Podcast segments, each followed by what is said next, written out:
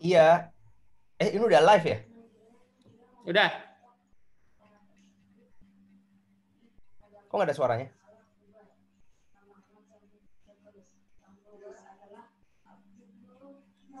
Udah.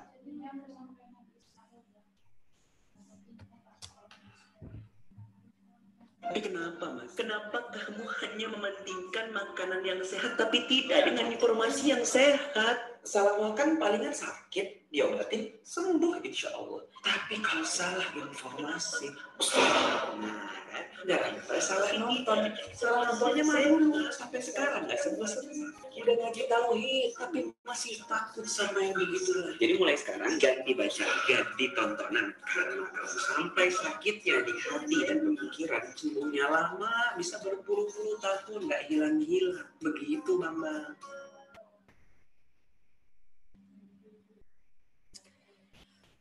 Oke, Bismillahirrahmanirrahim. Assalamualaikum warahmatullahi wabarakatuh. Alhamdulillah, senang sekali pada kesempatan malam hari ini kita bisa bersua kembali di acara Yuk Ngaji Online. Nah, malam ini cukup spesial karena kita kehadiran tamu Ustadz Wimar Aditya kita tamu. Kok tamu? Eh, ini ruang tamu aku ini. Tuh, aku tuh anggota Yu Ngaji. Iya bener ya. Iya malam ini jadi uh, tamu. Oke, uh, saya manggilnya Mas Wimar aja supaya lebih nyaman ya, Mas Wimar. Mas kenapa? Karena beliau ini dari Jawa ya, dari Tegal. Kalau Tegal panggilannya apa ya, Mas? Hah? Kalau di Tegal itu kalau manggil kakak gitu apa? Nyong, Rika. Rika, Rika itu kamu. Nyong Rika itu saya. Ya, Nyong itu saya. Oke. Saya kalau nggak ada orang Tegal nggak bisa keluar saat nggak kepancing. Oh iya iya iya ya. udah. Jadi kalau sama aku juga juga nggak akan kepancing ya. Nggak bisa. Oke, Mas Wimar. Malam ini kita mau ngobrolin apa ya? Ini super sekali persiapannya kurang lebih sudah acara hari ini sudah dipersiapkan sekitar 5 Lima- menit yang lalu. lima menit yang lalu. Ya, memang eh, the power of content itu di masa depan eh, orang tidak lagi eh, bisa editing, nggak nggak lagi harus edit gitu. Jadi dia harus siap live, kemudian eh, dia harus siap ngomong dan konten sudah ada di sini. Jadi eh, masa depan itu dikuasai oleh orang-orang yang bisa broadcasting. Nah, eh, malam ini kita latih. Ternyata Mas Wimar bisa ya, lima menit kita kontak dan alhamdulillah langsung bisa gitu ya, bisa untuk mengisi teman-teman sekalian. Oke, dan kita punya waktu satu jam ke depan sampai jam 9 malam nih, Mas Wimar. Eh, tadi sempat ngobrol sedikit, kita mau ngobrolin tentang Rizky ya. Takkan lari, Rizky dikejar. Gitu ya. Ya, Eh, Oke, sebenarnya kalau kita bicara Rizky, ini menurut Mas Bimar gimana sih Rizky? kan ada orang pagi-pagi, aku mau mencari Rizky gitu, atau eh, orang bilang ah Rizky saya lagi seret nih gitu, atau sekarang nih ya di era corona ini kan banyak orang yang bilang wah rizkinya susah didapatkan gitu. Sebenarnya Rizky itu gimana sih? Eh, tahu tahu nggak teman-teman semua kenapa saya ngerasa awkward banget? Karena saya sedang diwawancarai bab rezeki sama orang yang paling kaya di Yuk Ngaji ya itu loh. Jadi ini nggak pas sekali ini harusnya. Harusnya saya ngobrol sama Mas Cahyo ini. Kita tunggu sebentar lagi dia mau gabung katanya. Oh ya, nanti kalau ada Mas Cahyo insya Allah seru sih. Karena perjalanan rezeki beliau itu lebih ajaib dari saya. Oke. eh, Eh, lebih tepatnya perjalanan rezeki eh, sopir Grabnya Mas Cahyo. itu rezekinya Masya Allah. iya, Jadi teman-teman sekalian, rezeki itu kenapa jadi hal yang penting untuk dibahas? Karena kita itu maju mundur kanan kiri depan belakang habis waktu urusan rezeki. Orang itu dari kecil sekolah rata-rata nggak nyari ilmu, biasanya nyari nilai. Kenapa anak sekolah nyari nilai? Sebentar, ini setuju nggak? Ustadz setuju nggak kalau orang itu sekolah sebetulnya nyari nyari nilai bukan nyari ilmu? kebanyakan nyari nilai ya karena kebanyakan nyari nilai karena orang akan lebih stres ketika rapotnya hilang daripada ilmunya hilang kan gitu kan ya? Ijazahnya uh, tepatnya ijazahnya ijazahnya. Ya, karena kalau... dengan nilai yang bagus rapotnya bagus ijazahnya bagus kerjaannya bagus penghasilannya bagus. Hmm, jadi benar. untuk nyari uh, penghasilan itu dari TK sudah dididik dari TK SD SMP SMA S1 itu lulus buat nyari kerja. Biar apa? Biar dapat uang. Uangnya buat apa? Buat bisa nikah Hmm. Nikah biar bisa apa? Biar bisa punya anak. Nanti ya. anaknya disekolahin buat nyari nilai. Udah muter terus siklusnya ya, begitu. Iya, iya, iya. karena Dan, kalau nilainya bagus biasanya bisa masuk uh, ke sekolah favorit. Terus dari hmm. situ dia bisa lulus, bisa ngelamar kerja, dapat posisi yeah. bagus di perusahaan, dapat iya. gaji yeah. yang tinggi. Setelah itu beli rumah, beli mobil, istrinya juga bisa. Kan kalau lebih kaya biasanya lebih bisa memilih ya. Memilih mau tinggal di mana mau memilih tinggal yeah. dengan siapa begitu. Ya. Ada privilege. tinggal, ada privilege. Ya pilihannya lebih banyak. Orang merasa itu adalah suatu yang layak untuk dikejar. Suatu yang layak okay. untuk dicari. Nah terus uh, kita ngelihat gara-gara itu orang mau melakukan banyak hal melakukan banyak hal yang kadang orang itu nggak mau lakukan untuk hal-hal yang lain. Misalkan kadang kita itu nunggu nungguin adik kita mandi aja kita bisa emosi atau hmm. kita nungguin istri kita dan dan lama itu kadang kita bisa emosi. Padahal nunggunya cuma 15 menit, 20 menit mungkin maksimal. Tapi yeah. kalau udah urusan rejeki, itu orang itu bisa macet-macetan setiap hari, pagi macet satu jam, sore macet satu jam, itu dijabanin hampir dari hari Senin sampai hari Jumat dan nggak pernah ngeluh. Seakan-akan memang hidup itu harus begitu. Memang ya, seakan-akan hidup, ya. Itu kalau, tinggal, kalau tinggalnya di Jakarta, kalau tinggalnya di Bogor, biasanya hmm. untuk kerja dia perlu waktu berangkat katanya ya, berangkat hmm. tiga hmm. jam, pulang tiga jam. Jadi di jalan minimal enam jam sehari. Iya, saya pernah ketemu jamaah yang kayak gitu. Jamaah yang tinggalnya di Bogor, hmm. uh, uh, kerjanya di Jakarta. Jangankan yang di Bogor tinggalnya di Jakarta, waktu itu saya ngisi di mana tuh daerah uh, Agung-Agung, daerah utara Jakarta Utara itu ada apa namanya? Lenteng Agung, Lenteng Agung. Bukan, Lenteng Agung itu masih di bawah, yang di atas Gunung Sahari kok, Lenteng Agung. Gunung oh, Sahari. Kalau Gunung nah. Sahari nggak ada agungnya dong. Iya. iya. Nggak ada. Gunung ya, gunung nggak ada. Tapi iya, ada bener. gunnya. Di oh, kata iya. Agung ada gun, di Gunung Sahari ada gun, ya kan? Iya, iya. Minimal Cara... saya masih bisa dimaafkan karena tiga huruf sama. Oke oke. Lanjut lanjut. Penting kan. Nah waktu itu saya ketemu sama jamaah, dia jemput saya. Saya dari Bintaro dijemput ke Gunung Sahari ngisi di sana. Saya tanya sama Pak Sopir, Pak tinggalnya di mana? Saya tinggalnya di Pamulang deh. Uh, masya Allah. Tinggalnya di Pamulang, kerjanya di Gunung Sahari. Berangkat kantor jam berapa? Habis subuh harus sudah berangkat. Telat 15 menit, itu bisa telat ke kantor satu jam. Tapi kalau berangkat habis subuh, kecepatan setengah jam. Itu, itu kerennya. Jadi kalau berangkatnya habis subuh, itu kecepatan setengah jam tapi kalau telat 15 menit itu bisa telat satu jam. Ya itu konsekuensinya terlambat di Jakarta. Terus nanti kalau pulang langsung Pak, jam 5 pulang. Enggak Mas, kalau jam 5 sih saya bunuh diri Gunung Sahari ke Pamulang. Mendingan saya nunggu dulu, mungkin sekitar habis maghrib atau kadang-kadang habis isya. Habis isya dia berangkat, nanti sampai rumah jam 9, setengah 10. Terus di rumah ngapain? Ya paling ganti baju, cuci muka, kalau sempat masih pengen mandi-mandi, habis itu tidur, besok kayak gitu lagi. Senin sampai Jumat dilakoni itu hmm. menurut saya amazing sih, luar biasa pengorbanan seseorang untuk rezeki. Cuma yang mau kita bahas hari ini itu adalah apakah rezeki. Jadi bukan permasalahan pengorbanan itu nanti akan kita sisihkan untuk didiskusikan di belakang, tapi yang mau kita bahas itu adalah sebetulnya rezeki itu makhluk apa? Sehingga dengan mempersepsikan rezeki dengan benar, kita bisa tahu seharusnya seberapa nih porsi pengorbanan kita untuk si makhluk yang namanya rezeki. Nah, kira-kira kira obrolannya akan okay, seputar okay. itu. Jadi kalau kita pakai 5W1H, kita mulai dari what. Apa itu rezeki? Nah. Apa itu rezeki? Nah, karena saya apa bukan uh, talent yang siap untuk masa depan seperti Ustadz, jadi saya buka materi dulu. Oke. Okay. Untung Zoom ini bisa ngeluarin materi. iya, bener. Teman-teman kelihatan nggak di layar materinya? Udah ya Ustaz, ini udah udah tampil ya? Iya, kelihatan. uh, gambar sangkar burung. Aku juga lihat Nah. uh, YouTube-nya.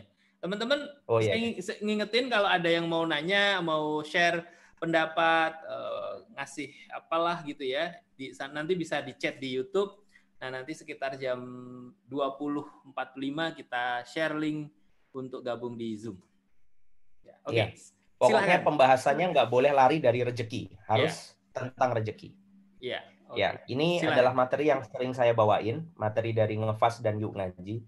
Wah, ini yuk ngajinya logonya masih logo lama ini saya bisa dimarahin sama yang bikin logo. Tahu siapa? Iya. Ustadz Hussein. Oke. Ini logo legendnya yuk ngaji. Hari ini dijudulin takkan lari rejeki dikejar. Nah, ini terinspirasi dari salah satu judulnya lupus. Kalau teman-teman ingat itu ada takkan lari titik-titik dikejar. Nah, ini titik-titiknya saya ganti rejeki. Kalau ada yang tahu, oh berarti sudah tua sama kayak saya karena bacaannya lupus. Nah, hari ini kita mau cerita bahwa banyak orang di dunia itu hidup kayak sangkar di depan itu, teman-teman. Jadi banyak orang yang hidupnya itu mewah sih, nyenengin sih, dia punya banyak hal yang bisa dia nikmati. Tapi dia tetap ada di dalam sangkar. Dan orang-orang ini tahu bahwasanya hidup lebih enak itu ada di luar sangkar. Kalau saya bisa keluar sangkar, saya pasti akan hidup lebih enak. Tapi mereka nggak mau keluar. Tahu kenapa mereka nggak mau keluar? Karena sangkarnya itu mereka sendiri yang bikin. Nah, saya ulangin ya. Oh. Coba teman-teman cermati. Ada orang yang hidup di dalam sangkar, tahu kebahagiaan itu ada di luar sangkar, tapi mereka nggak mau keluar. Kenapa? Karena sangkarnya itu mereka bikin sendiri. Jadi mereka itu memenjarakan diri mereka sendiri di dalam sangkar dan merasa bahwa hidup itu memang seperti ini walaupun di luar indah. Nah ini yang lucu tentang rezeki. Nah ceritanya akan bisa diilustrasikan lewat komik berikut ini. Asik, ini ada komiknya. Saya punya komik, silakan teman-teman perhatikan. Oh, sebelum komik, nah, sebelum komik saya ingin sampaikan dua dalil terkait rezeki. Yang pertama adalah hadis riwayat Ahmad dan Tirmizi dari Ibnu Umar, di mana Rasulullah bersabda, kata Rasulullah, seandainya saja engkau mau bertawakal, berpasrah diri kepada Allah dengan sebenar-benar tawakal, kita itu hidup bisa kayak burung. Maksudnya kayak burung gimana? Apakah kita makan biji-bijian? Oh, enggak. Kita itu akan hidup setenang burung. Pagi hari mereka pergi dengan perut kosong, namun sore hari kembali dengan perut penuh. Maksudnya apa? Burung itu teman-teman nggak pernah nabung. Coba deh cek. Kalau nggak percaya, eh, niatin diri aja ke hutan cari burung terus amatin. Burung itu nggak ada yang nabung. Beda ya, kan ada binatang tuh yang nabung kayak semut, lebah. Dia itu nimbun makanan untuk persediaan musim tertentu gitu. Tapi burung enggak. Sekalipun burung pulang bawa cacing, cacingnya itu dimakanin ke anaknya di sangkar, bukan Oh, untuk jadi- ditimbun. Jadi sehari habis ya. Sehari habis. Oke. Besok kalau ditanya, Rung, besok kamu mau ke mana? Eh, besok kamu gimana rezekinya? Kata si burung, ya besok jatahnya akan ada lagi. Sebegitu tawakalnya si burung sampai masuk dalam sebuah hadis kira-kira begitu. Hmm, jadi Jadi, burung nggak nggak pernah punya nomor rekening berarti ini ya. nggak ada. Burung nggak pernah punya nomor rekening, dia nggak nabung, nggak mobile banking ya, apalagi punya GoPay, saldonya kosong pasti. Oke, oke Makanya- menarik ini ya. Ya, burung itu dimasukkan sebagai analogi untuk orang yang bertawakal. Berarti kalau orang itu tawakal terhadap rezeki, orang itu nggak akan resah tentang besok akan seperti apa, karena Allah selalu ada. Jadi bukan masalah tabungan limit berapa. Kalau sekarang kan banyak orang yang kalau limit tabungannya belum sampai sekian atau limit tabungannya masih di bawah sekian dia masih was-was. Hmm. Nah, tapi definisi tawakal yang Rasulullah jelaskan ini lebih daripada itu. Karena kalau besok nggak ada apa pun, seseorang seharusnya sudah tenang. Maka ketika ada yang bisa lebih daripada sekedar besok tahu mau makan apa, itu sudah kaya raya menurut Rasulullah. Ada dalam hadis yang lain, di mana Rasulullah bersabda yang maknanya, kalau ada orang yang malam ini sudah tahu mau tidur di mana, dan dia tahu kalau dia akan aman di lingkungan itu, dia tahu kalau dia eh, besok bisa makan, maka kata Rasulullah itu seakan-akan dunia sudah Allah kumpulkan untuk dirinya. Nah jadi standar hidup raja kata Rasulullah itu cukup dengan kita tahu nanti malam mau tidur di mana, besok mau makan apa. Kalau kita punya standar hidup yang seperti itu, itu kita kata Rasulullah sudah seperti raja, sudah seperti dunia itu dikumpulkan ke orang itu. Lah padahal kalau mau boleh jujur ya, dengan musim corona yang melanda kita sekarang ini, mungkin seseorang di antara kita sudah punya persediaan untuk dua bulan ke depan bahkan mungkin untuk satu tahun ke depan. Untuk tetap ada di rumah satu tahun ke depan nggak ada masalah. Mungkin dia akan jual mobil satu, habis itu dipakai eh, setahun penuh untuk hidup dia. Ada yang semacam itu. Tapi kalau Rasulullah standarnya itu cuma besok. Kalau besok sudah ada yang mau kita makan, berarti kita sudah bisa tenang. Masya Allah. Nah, konsep tawakal ini yang tidak terjadi zaman sekarang. Karena semua orang sadar rezeki itu dari Allah, tetapi kalau akhir bulan stres. Kalau deadline bayar utang sudah dekat, stres kalau tiba-tiba ada yang sakit, langsung kepalanya cenut-cenut mikirin nanti kalau tambah lagi, tambah lagi, tambah lagi, bayarnya mau pakai apa. Orang tahu kalau rezeki itu dari Allah, tapi ketika ditanya rasa tenangnya sudah ada atau belum, kadang belum. Nah, ini harus kita waspadai. Jangan-jangan permasalahannya bukan karena rezeki, tetapi lebih kepada sandaran rezekinya yang nggak kuat. Mungkin kita nyandarin rezeki itu ke usaha kita, kita nyandarin rezeki itu ke uh, pekerjaan kita, atau ke bos yang kita punya, kita yakini kalau bos itu kaya raya, makanya kita tenang, atau kerjasama bisnis yang sedang kita bangun, di mana semua itu kalau sampai keguncang dikit, maka tawakal ini akan terganggu. Maka yang betul harusnya kita nyandarin diri itu sama Allah, karena Allah akan selalu ada. Jadi meskipun semua nggak ada, kalau Allah masih ada, berarti insya Allah besok baik-baik aja. Nah, kemudian dua. Ini dalilnya dua aja. Habis itu materi-materi diskusi. Dalil berikutnya adalah dari Al-Quran surat Ad-Dariyat ayat 22, ayat 23. Kata Allah di ayat ini, dan di langit terdapat sebab rezekimu. Jadi Allah itu sudah mempersiapkan source rezeki kita dan itu Allah simpan di langit. Dan terdapat apa yang dijanjikan kepadamu. Berarti rezeki itu sudah Allah janjikan. Sudah ada takarannya, sudah ada kadarnya untuk masing-masing orang dan nggak mungkin ketukar. Artinya apa kalau nggak mungkin ketukar? Nggak usah stres kalau saingan bisnis nggak usah stres kalau tiba-tiba nasi goreng kita berjejer dengan nasi goreng baru yang buka di sebelah depan kanan kiri dan belakang kita nggak usah stres karena rezeki itu sudah ditakar sudah di sudah di sudah dijatah sama Allah nggak perlu sampai kemudian tawuran bahkan ya kayak waktu itu saya pernah ngelihat orang tawuran antara uh, driver online sama driver offline. Nah, mungkin Ustadz masih ingat dulu ah, pernah ya. ada tawuran antara si biru ojol sama si opang. Ya, ojol sama opang tawuran mereka tawuran gara-gara yang satu merasa terzolimi uh, orang ini kok platnya merah eh platnya hitam tapi kok ikut mengambil penumpang ikut dapat dapat tarif sementara mereka platnya hitam bukan kuning terus mereka tawuran. Nah, yang lucu adalah setelah selesai tawuran dua perusahaan di atas mereka itu malah merger. Nah, itu yang kalau saya jadi orang yang tawuran ini mungkin saya langsung stres dan emosi sendiri udah capek-capek tawuran yang di atas malah kemudian gabung gitu kan ya. Nah, kita lanjutin lagi lah. Oke. Saya mau ngomong itu mirip pemilu ya, cuma saya nggak enak. ya udah kita nggak usah ngomongin lagi aja. kita kita ngomong yang lain lagi aja. Oke. Allah bilang di dalam surat Ad-Dariyat ayat 22 dan ayat 23. Dan di langit terdapat sebab rezekimu dan itu sudah dijanjikan. Terus Allah bilang gini, maka demi Tuhan langit dan bumi. Nah ini kalimat yang perlu kita highlight maka demi Tuhan langit dan bumi. Padahal yang ngomong Allah. Al-Quran kan kalamullah, kalimat Allah. Tapi Allah bilang, maka demi Tuhan langit dan bumi. Seakan-akan kayak ada Allah lain. Enggak. Ini yang ngomong Allah. Allah menyebut dirinya sendiri. Maka kalau dalam bahasa, ini adalah majas yang apa ya istilahnya penekanan yang luar biasa. Ini kayak bapak ngomong sama anaknya dengan kalimat le iki wis bapakmu loh sih ngomong. Nah, jadi bapak tapi ngomong kata bapak itu kan artinya dia sedang serius banget serius. mau ngasih tahu sesuatu. Nah, ketika Allah kemudian bersumpah atas nama dirinya, maka demi Tuhan langit dan bumi, berarti setelah ini adalah kalimat yang sangat ditekankan, sangat penting. Nah, kalimatnya apa? Sesungguhnya yang dijanjikan itu, quote-unquote rezeki, adalah benar akan terjadi, akan diberikan. Gampangnya Allah akan mau bilang, udah tenang aja, udah itu yang dijanjikan itu pasti tak kasih. Seakan Allah uh, ingin memberitahu dengan sangat luar biasa tegas gitu. Dan karena kita bisa melihat banyak sekali orang yang sudah beriman tapi masih ragu kalau rezekinya bakal diturunkan oleh Allah. Nah, maka kalimat ini seharusnya menjadi sandaran kita untuk membuat kita tenang ketika uh, ya ada sedikit turbulence di sektor rezeki yang kita miliki. Oke, dua ayat ini jadi pegangan ya.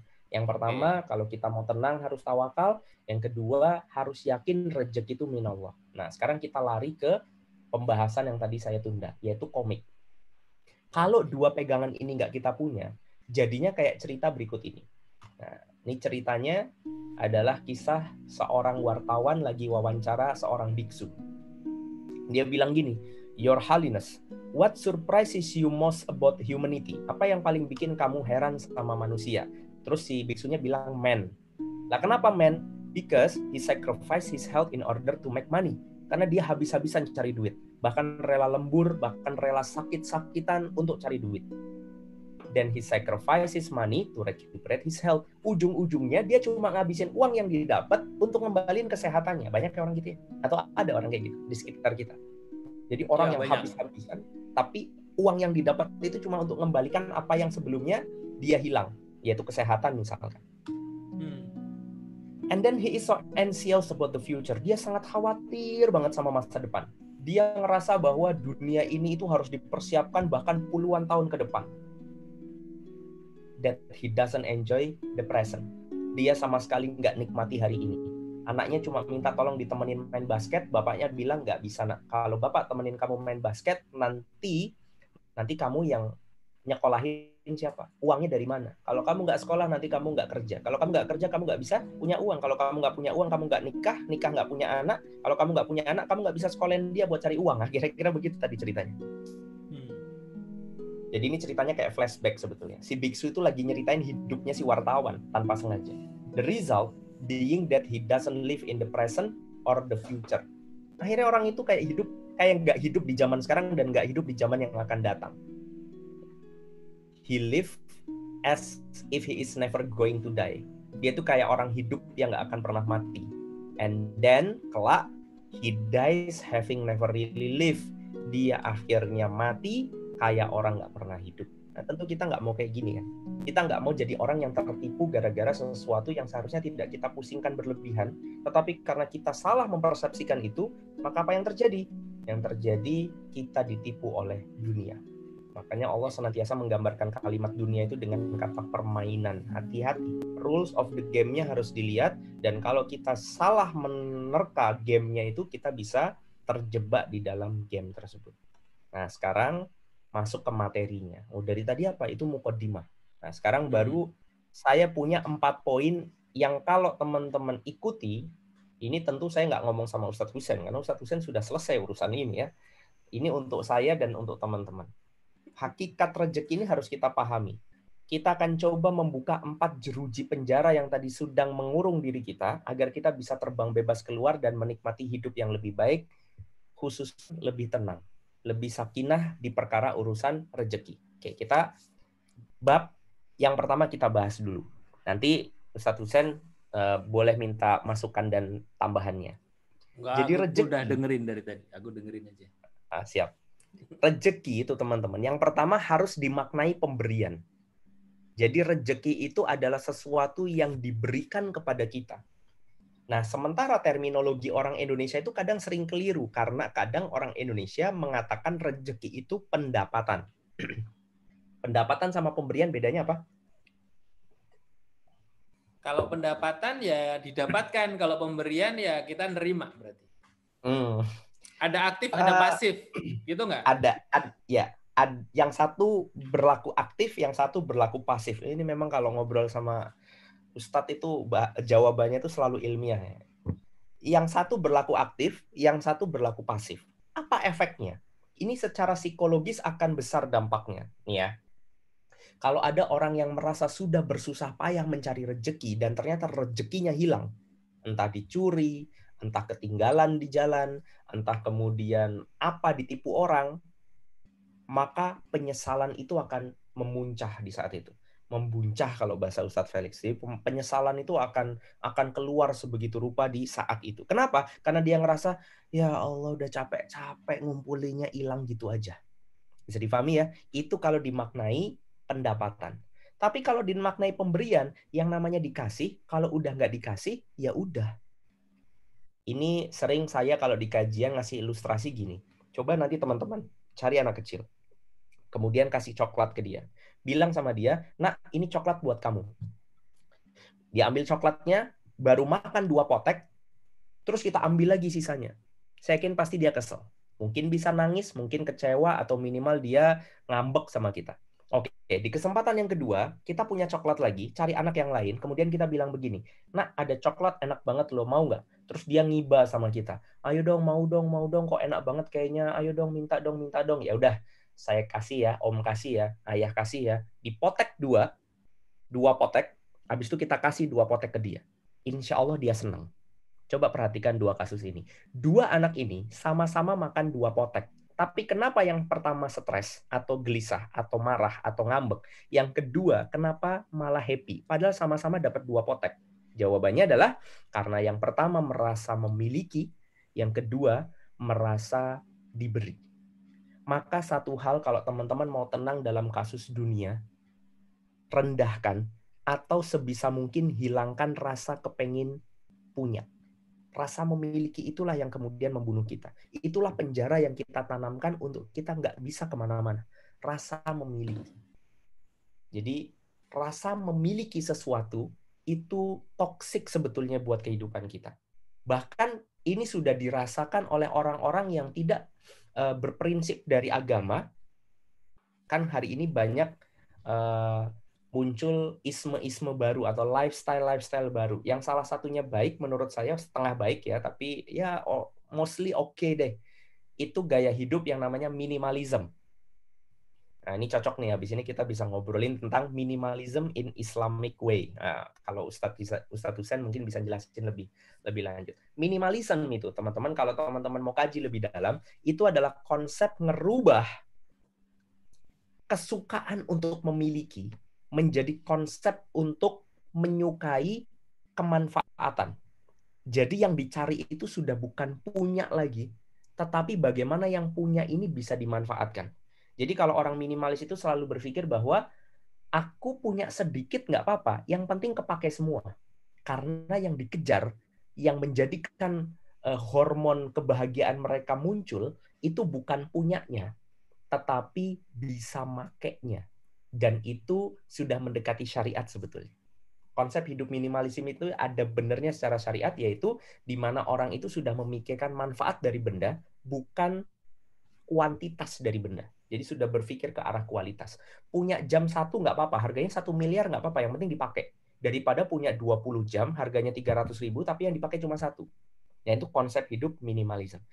Which is di sisi itu good, karena berarti dia sudah paham bahwa nggak penting orang itu punya rasa punya karena rasa punya itu toxic nih bab kedua rejeki itu nggak sama dengan punya jadi kalau teman-teman mau hidupnya lebih tenang dari sebelumnya kecilkan atau kalau bisa sirnakan rasa pengen punya semuanya dan lebih-lebih adalah pengen punya sesuatu yang kita sebetulnya nggak butuh atau bisa dikatakan kita butuh-butuhin aja sebetulnya kan standar hidup manusia itu sederhana kan ya. Ada gori, ada hajatul udawiyah yang harus dipenuhi dari mulai yang penting bisa makan, ada tempat untuk berteduh dan lain-lain. Tapi hari ini hajatul udawiyahnya itu ditambah-tambah sama orang. Jadi hajat kebutuhan hidupnya itu bertambah dari kepengin yang bergengsi juga, yang bermerek, yang lifestyle-nya bagus, yang bisa dipakai buat nyari temen, seolah-olah nyari temen itu harus pakai benda itu, dan macam-macam lainnya.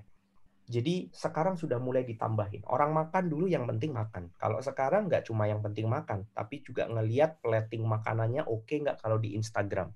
Tempatnya Instagramable atau enggak. Kalau dipakai hangout, kira-kira pas di foto catchy nggak kalau orang ngeliatin kita hangout di situ. Sudah mulai banyak kebutuhan-kebutuhan yang ditambahkan. Di banyak sektor, nikah misalnya.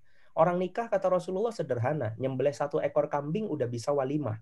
Akad nikah 10 menit jadi uang satu juta juga cukup kalau memang dicukup-cukupin, tapi orang kemudian nambah. Harus ada dekornya, harus ada make upnya, harus ada ininya, harus ada itunya, harus ada mobil pengantennya, harus ada, wah macam-macam. Yang kemudian apa yang terjadi? Akhirnya susah dibuat sendiri.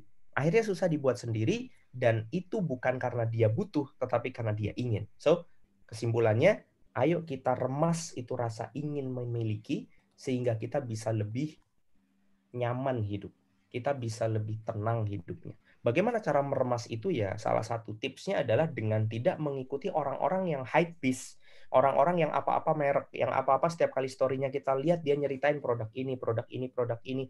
Itu akan mempengaruhi sedikit banyak dari pola pikir kita. Yang ketiga, Habis yang keempat berarti waktunya Ustadz Husen. Yang ketiga, untuk bisa keluar dari penjara rejeki, rejeki harus bisa difahami sebagai sesuatu yang bisa kita nikmati dan manfaatkan. Coba deh teman-teman mikir, pilih ya. A. Punya tapi nggak bisa make. B. Bisa make tapi nggak punya. Pilih mana? Pasti pilih yang pilih yang B. Nggak punya nggak apa-apa kan? Yang penting bisa make. Daripada punya tapi nggak bisa make. Ayo, pilih mana? Punya semua makanan yang enak-enak, tapi nggak bisa dimakan. Mau makan daging kolesterol, mau makan yang ini asam urat, mau makan yang manis diabetes, mau makan yang itu giliran sehat, mau makan sariawan, kan nggak ada yang enak. Atau giliran sehat semuanya enak, pas mau dimakan ternyata jahenya dulu yang kita makan habis itu mulut udah nggak bisa ngunyah lagi karena bau wangi yang nggak bisa uh, membuat selera kita naik lagi. Uh, Allah selalu punya cara untuk membuat apa pun yang kita miliki itu jadi sia-sia dan tidak bisa kita manfaatkan. Karena apa? Karena memang nggak rezeki. Jadi saya mau nyampaikan bahwa rezeki itu yang penting bisa make, yang bisa memanfaatkan. Rezeki itu yang penting kita itu bisa mendapatkan benefit dari situ. Nah, dalam hal ini kasus minimalism masuk ke sini. Rezeki adalah yang bisa kita nikmati dan manfaatkan. Jadi nggak penting punya banyak, yang penting bisa bisa kemudian memanfaatkan. Oke, yang terakhir, nih. Yang terakhir kalau teman-teman mau lepas daripada penjara dunia tadi dan hidup lebih tenang seperti burung, rezeki itu bukan uang. Ini yang memang agak sulit. Karena biasanya orang itu menterminologikan rezeki itu dengan uang. Ya Allah, rezekimu tuh ya Allah kayak air air terjun dia bilang. Lah kenapa? Iyalah omset sebulan bisa 300 juta, 400 juta. Kan omset. Apakah omset itu bisa dinikmati? Enggak. Apakah uang di rekening kita bisa dinikmati? Belum tentu. Apakah semua emas batangan yang kita bisa beli itu adalah uh, rejeki buat kita? Belum tentu. Nah, kenapa saya bilang belum tentu? Karena kita belum menikmati itu. Kalau uang belum bisa dibelanjakan menjadi barang dan jasa yang bisa kita nikmati, itu belum bisa kita sebut rejeki. Nah, dari sini saya ingin menyampaikan bahwa kalau kita kerja keras, kalau kita kerja cerdas, kalau kita kerja dengan profesional, insya Allah uangnya dapatnya banyak. Iya dong, bikin warung di pinggir jalan besar sama nyelempit di gang. Pasti banyakkan mana uangnya? Pasti banyakkan di pinggir jalan. Secara logika matematika kan yang terjadi akan seperti itu. Dibikin hukum statistik, pasti rataan paling banyak adalah yang di jalan besar pendapatannya lebih banyak. Oke, karena variabelnya kita bahas itu aja ya. Kita nggak bahas variabel makanan, variabel marketing, nggak. Pokoknya intinya dua warung, satu nyelempit di gang, satu di jalan besar. Secara logika, probabilitas akan mendapatkan uang lebih banyak adalah yang warung yang di pinggir jalan. Betul, kalau kita bekerja secara lebih baik, uang bisa kita dapatkan lebih banyak. Tetapi apakah uang itu bisa kita manfaatkan atau tidak? Semua tergantung takaran rezeki yang sudah Allah standarkan, di mana Allah sudah menetapkan itu. Jadi pahami ya? Jadi uh, dari hal ini akhirnya kita bisa sadar bahwa sebetulnya kita nggak perlu takut-takut banget terkait rezeki sesuatu yang hari ini menjadikan orang super sibuk justru adalah sesuatu yang sebetulnya kita nggak perlu pikirkan karena Allah sudah jatah. Kalau kita kerja dapat rezeki nggak? Ada rezekinya. Nggak kerja, lawang dari bayi sampai kita lulus kuliah itu hitungannya kita nggak kerja. Ada nggak rezekinya? Ada. Tapi kan ada orang tuanya. Lah anak yatim piatu itu ada juga rezekinya. Jangankan anak yatim piatu, binatang Allah kasih rezeki. Jangankan kok binatang yang uh, diternak yang dijaga oleh manusia, yang nggak diternak yang liar Allah kasih rejeki. Jangankan yang liar, yang menjijikkan Allah kasih rejeki. Cicak makanannya terbang Allah kasih rejeki. Kecoa, kecoa itu buta, makanannya kita nggak tahu apa, dia di WC mulu setiap hari, dia buta nggak bisa ngelihat, cuma punya sensor panas dapat rejeki. Binatang yang nggak mungkin dipelihara manusia kan, sekalinya diambil di, di, dikumpulin sama manusia untuk dijual untuk pakan ikan, kecoa Kayak gitu aja dikasih rezeki. Sampai saya searching satu binatang yang saya rasa akhirnya membuka mata saya bahwa kalau sampai kita takut atas rezeki, harusnya kita malu sama Allah karena binatang ini saja dapat rezeki. Apa coba? Binatang yang kalau bahasa Inggrisnya itu dumb beetle. Nah, bahasa Indonesianya itu kumbang tai. Itu memang nggak ada kalimat yang lebih enak lagi. Memang bahasa Indonesianya itu kumbang tai. Biasanya kumbang tai itu muncul di uh, tai kerbau atau tai sapi atau tai yang gede-gede itu mohon maaf ya emang emang begitu ya fases yang besar-besar itu biasanya muncul yang namanya kumbang tai. Kalau teman-teman bingung kumbang tai itu kayak apa, nonton film animasi larva. Itu ada satu binatang yang kerjaannya gelindingin gelindingin kotoran. Nah, itu adalah binatang yang lahirnya dari kotoran, makannya dari kotoran yang dia yang melahirkan dia tadi itu. Kemudian nanti kalau punya anak, telurnya itu diceplokin di dalamnya kotoran itu dan anaknya lahir dari situ lagi. Siklusnya itu depan, belakang, kanan, kiri kotoran. Itu Allah kasih rejeki. Nah, bagaimana dengan kita yang kata Allah fi asani takwim, sudah diciptakan dengan sebaik-baiknya. Maka hari ini kita perlu rilis diri kita untuk kemudian merubah persepsi bahwa rejeki tidak sesempit yang orang pikirkan. Pekerjaan, uang, jabatan, bukan. Rejeki sudah Allah takar dan itu adalah apa yang selalu bisa kita manfaatkan, baik kita cari maupun enggak. Baik yang datang min hai tasib atau yang memang kita rencanakan, itu semua bisa datang ke kita. Nah, sekarang perkara lebih besarnya adalah sayang enggak kalau waktu yang paling banyak kebuang dalam hidup kita, biasanya orang kerja 8 jam, berarti sepertiga hari dalam hidup kita, itu hilang tanpa ada pahala. Sementara 8 jam itu sepertiga hidup.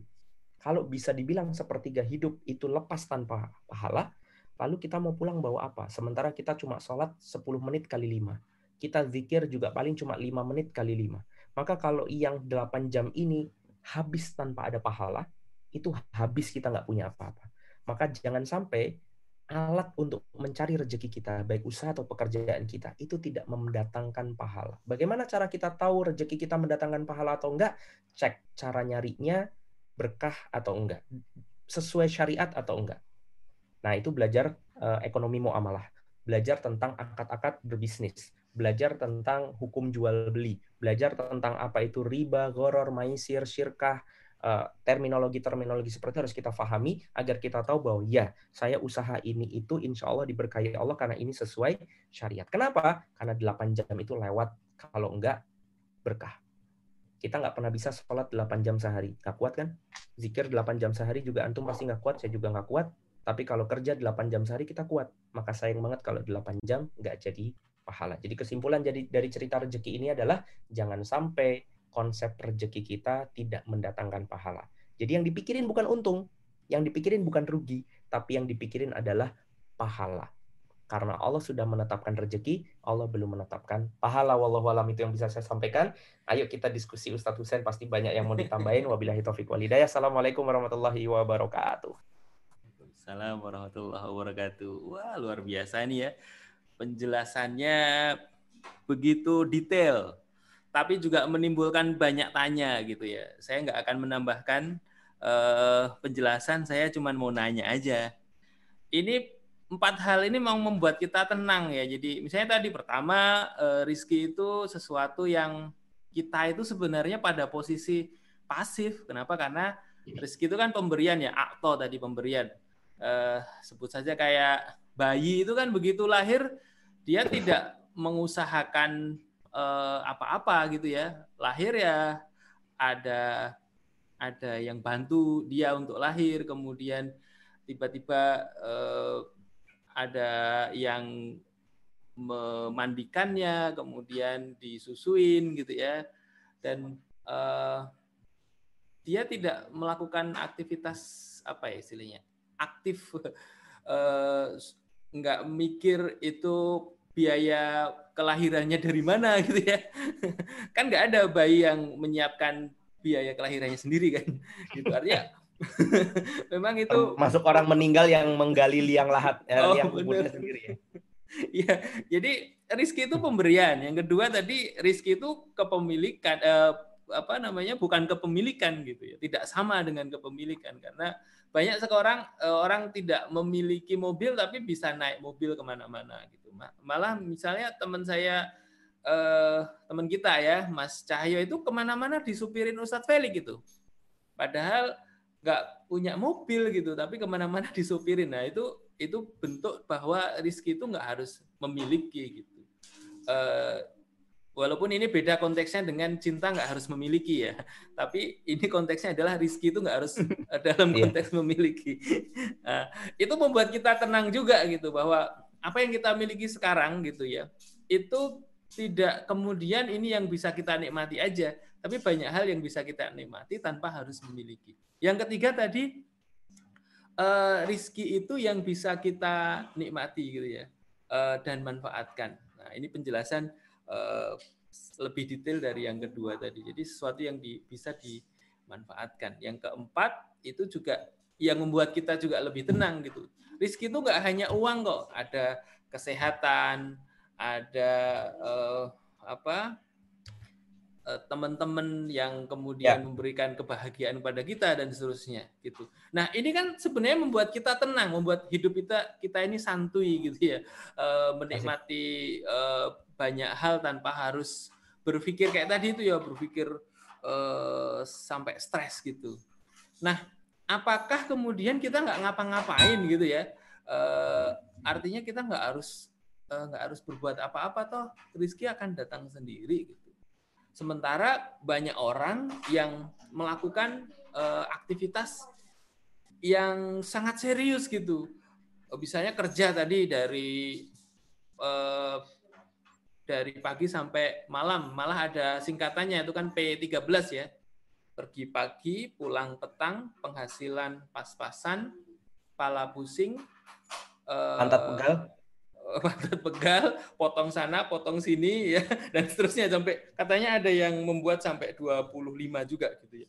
Artinya dia serius sekali dengan dengan pekerjaannya itu. Uh, ada juga kemudian orang-orang yang karena dia ingin menyiapkan masa depannya lebih lebih gemilang, dia menabung sebanyak-banyaknya dari aset yang ada, dia tabung sehingga dia merasa ini akan save ini uh, di masa yang akan datang gitu.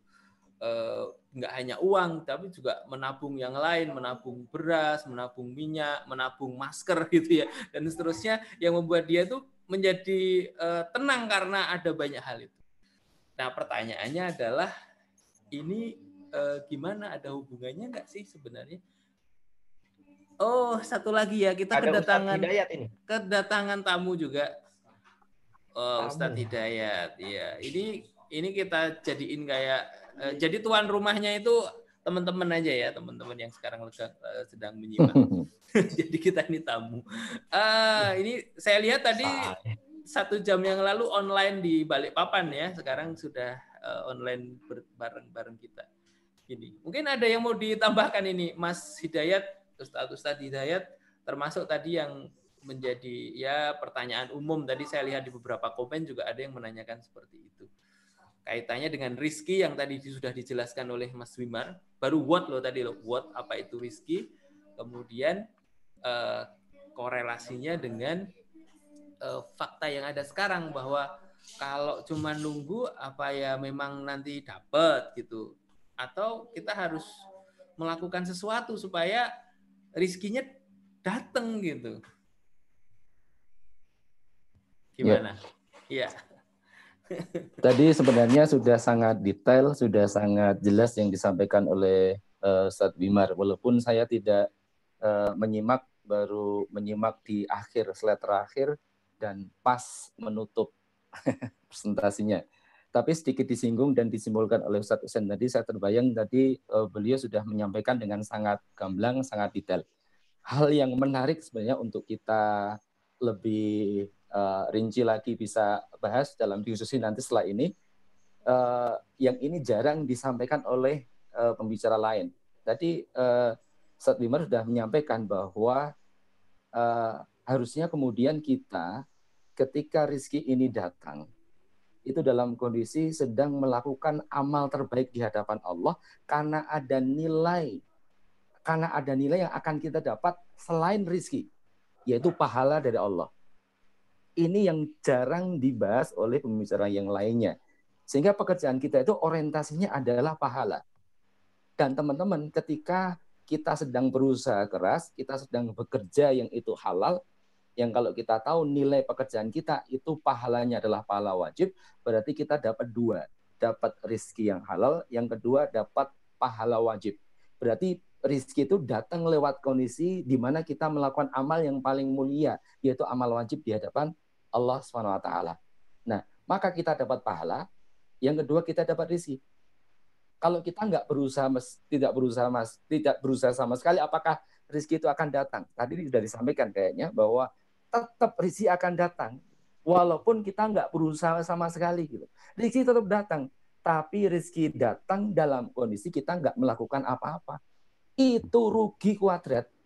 Kenapa rugi kuadrat? Karena kita hanya dapat rezeki dan kita kehilangan kesempatan mendapatkan pahala yang besar kalau coba uh, teman-teman disuruh milih, mau milih dapat rizki ataukah dapat pahala?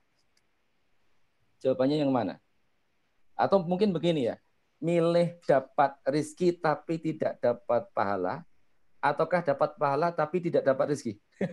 Kalau nggak dapat rizki nggak mungkin ya, selalu dapat rizki. Cuma kadang-kadang kita lupa bahwa pahala itu juga luar biasa berharga dan yang bisa mengukur merasakan besarnya pahala orang terdorong untuk bersemangat mendapatkan pahala adalah orang-orang yang punya iman karena pahalanya bisa dirasakan oleh orang-orang yang beriman. Jadi kita sebagai muslim seharusnya kita semangat luar biasa berusaha maksimal di angka usaha yang sudah uh, mentok di yang paling yang terbaik ya di hadapan Allah ketika rizki itu datang kepada kita. Karena kita akan dapat dua, yang pertama rizki, yang kedua pahala dari Allah. Gitu. Jadi uh, ini yang uh, jarang sekali uh, disampaikan oleh para pembicara. Tadi Ustadz Wimar insya Allah sudah sudah menyampaikan itu. Betul ya Ustadz? Iya, tadi udah nyampein itu. Ya. Penegasannya luar biasa. Itu sebetulnya kalau mau ditampilin, itu ada petanya. Nih, ada nah, peta menarik. yang menarik kalau kita bisa lihat. Ini yang dijelaskan Ustadz Hidayat tadi. Ini namanya peta rezeki. Nah, jadi ada sebab turunnya rezeki. Di mana sebab turunnya rezeki itu bukan pekerjaan, usaha atau apa pun yang kita punya, tapi penyebabnya itu kalau dilihat dari dalil yang ada di bawah adalah Allah Subhanahu wa taala. Nah, cuma Allah yang sebagai asbabur rizki ini, penyebab datangnya rezeki ini akan memberikan rizki itu lewat jalan-jalan rezeki. Kita sebutnya al-hal. Al-hal itu ada dua.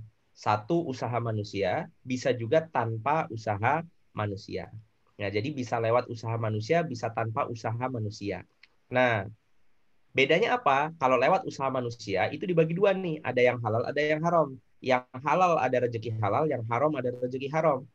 Rezeki halal mendatangkan hisap pahala karena kita mencarinya dengan cara yang halal.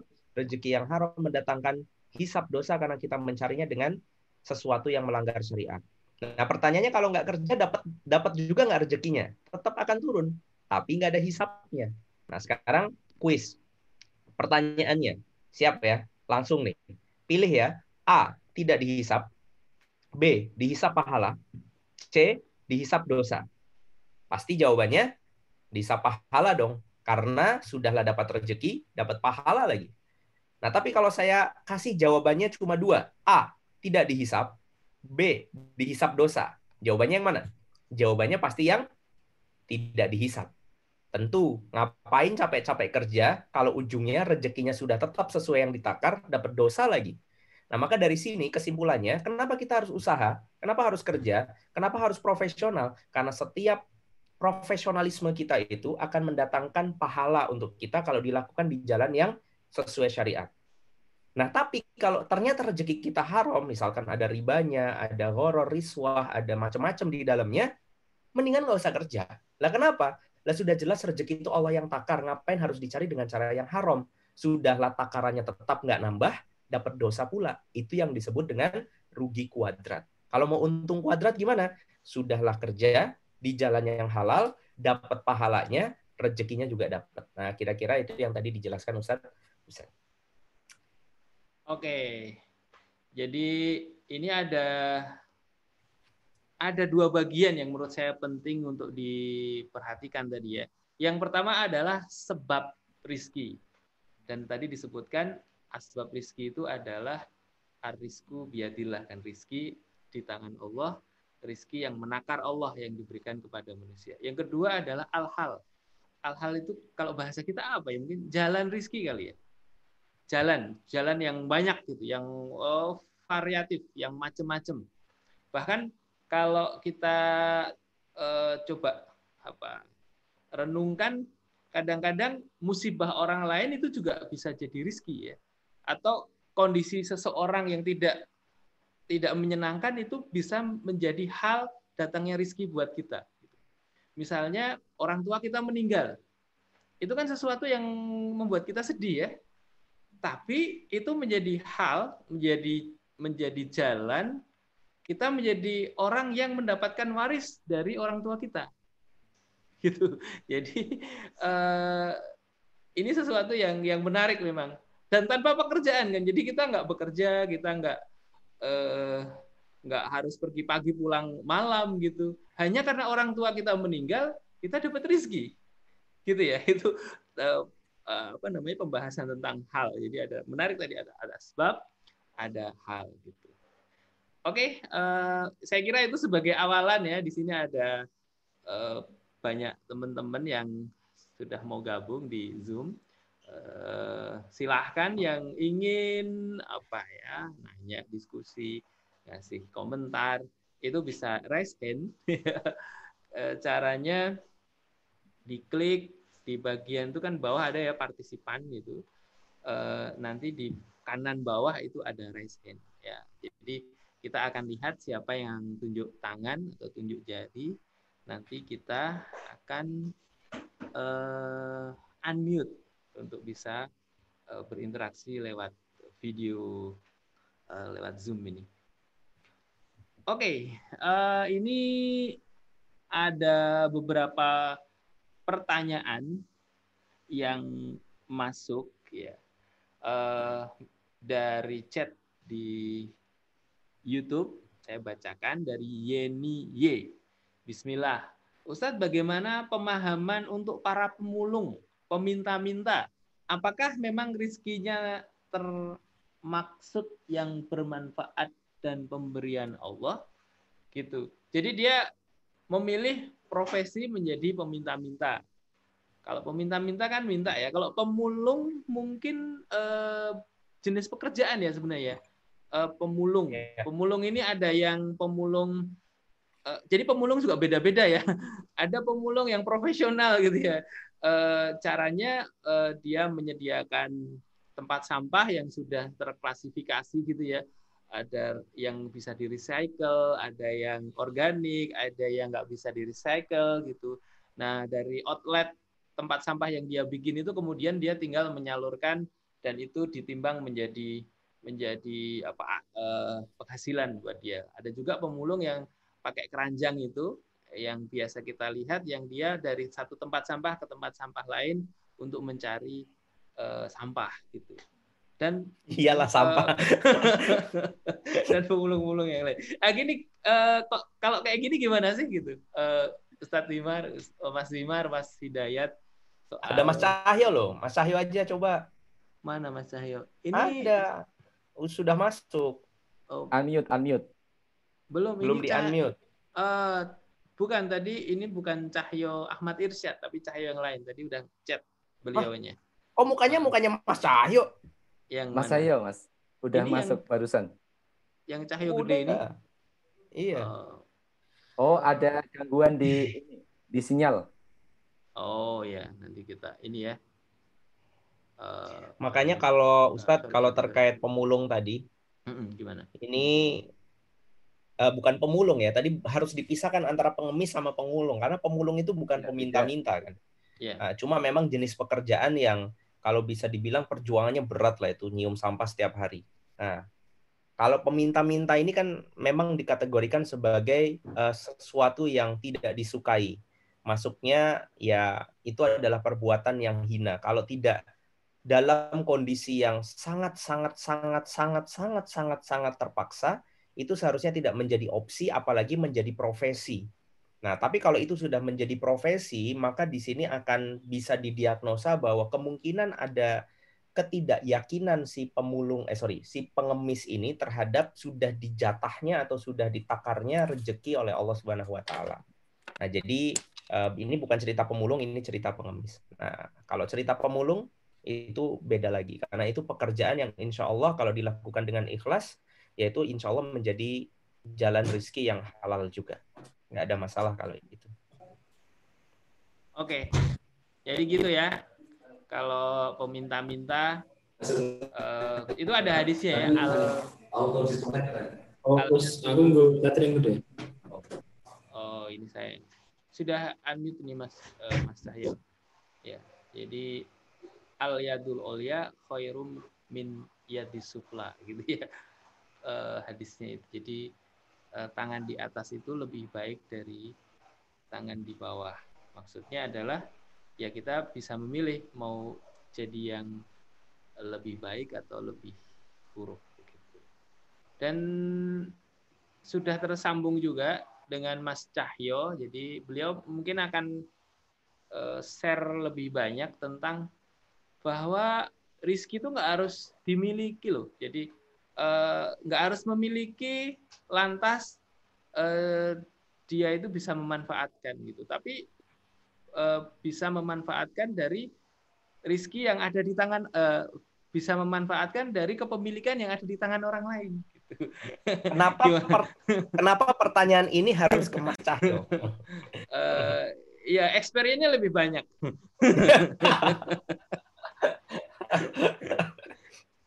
Jadi gimana nih Ustaz Cahyo nih Mas Cahyo silahkan.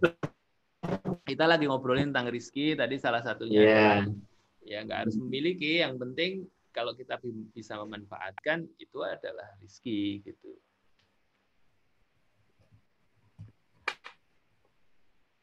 Ada? Halo? Mas Cahyo ini kelihatannya sinyalnya nggak bagus. Oh iya iya. Dia iya. kadang muncul, kadang nggak muncul. Kadang ada, kadang nggak ada kayak rezeki aja ya. Iya sekarang. Sorry, kita sorry. kita coba riset. Nah ini udah muncul lagi. Ini wifi wifi-nya belum dibayar bro. Tapi bisa ini dimanfaatkan. pakai cateringan. Oh iya iya iya. Nah, nanti... ya intinya kalau saya teman eh, teman-teman menyerap apa yang disampaikan oleh uh, Mas Wimar, Kang Husen juga, uh, Mas Dayat juga. Ya intinya pemaham karena pemahamannya begitu, pada akhirnya melihat rizki itu jadi sesuatu yang ya tadi menenangkan, yang kedua tidak ngoyo, tidak ngoyo itu dalam artian kalau nggak dapat itu terus tidak berfokus kepada hasilnya, tetapi berfokus kepada uh, optimalisasi apa-apa yang dan sudah kita lakukan. Jadi kalau misalnya kita bekerja, kemudian ternyata hasilnya sedikit, bukan berarti kemudian kita nerimo begitu saja. Tahu nerimo? Nerimo itu apa ya, Mas Wimar ya? Nerimo itu. Apa? Konaah. Nah, ya. jadi tidak kemudian kalau kita sudah bekerja, kok hasilnya sedikit, maka pikiran kita itu bukan pada hasilnya, tetapi eh, apa yang bisa saya evaluasi dari proses ibadah saya ini, kira-kira begitu ya. Jadi justru dengan memahami rezeki seperti itu, hati kita tenang, tetapi satu sisi kita akan berusaha untuk sebaik mungkin melakukan hal-hal yang Allah perintahkan, memperbaiki strategi, misalnya tentang bisnis ya, ya memperbaiki strategi bisnis segala macam. Kenapa? Karena justru itulah yang akan menghantarkan bukan pada rizkinya ya, tetapi kepada keridhaan Allah, kepada nilai ibadah yang lebih tinggi. Kira-kira begitu, betul ya? Jadi orientasi kita itu adalah pada apa-apa yang kita lakukan itu apakah sudah optimal atau belum. Dilihat dari sisi ibadahnya, bukan hasil bukan hasilnya, tapi dari sisi ibadahnya. Ya. Contoh misalnya, ketika kita ke uh, apa namanya ke kita ke Turki musim panas kemudian tiba-tiba kita jualan jaket apa jaket salju. Kira-kira gimana? Itu hal yang keliru. Kenapa? Ya lagi-lagi jangan dikaitkan dengan rezeki ya. Tapi ini ada hal-hal yang kemudian terkait dengan sunatullah ya. Hal-hal yang terkait dengan upaya-upaya kita untuk meningkatkan kualitas ibadah kita. Jadi gitu.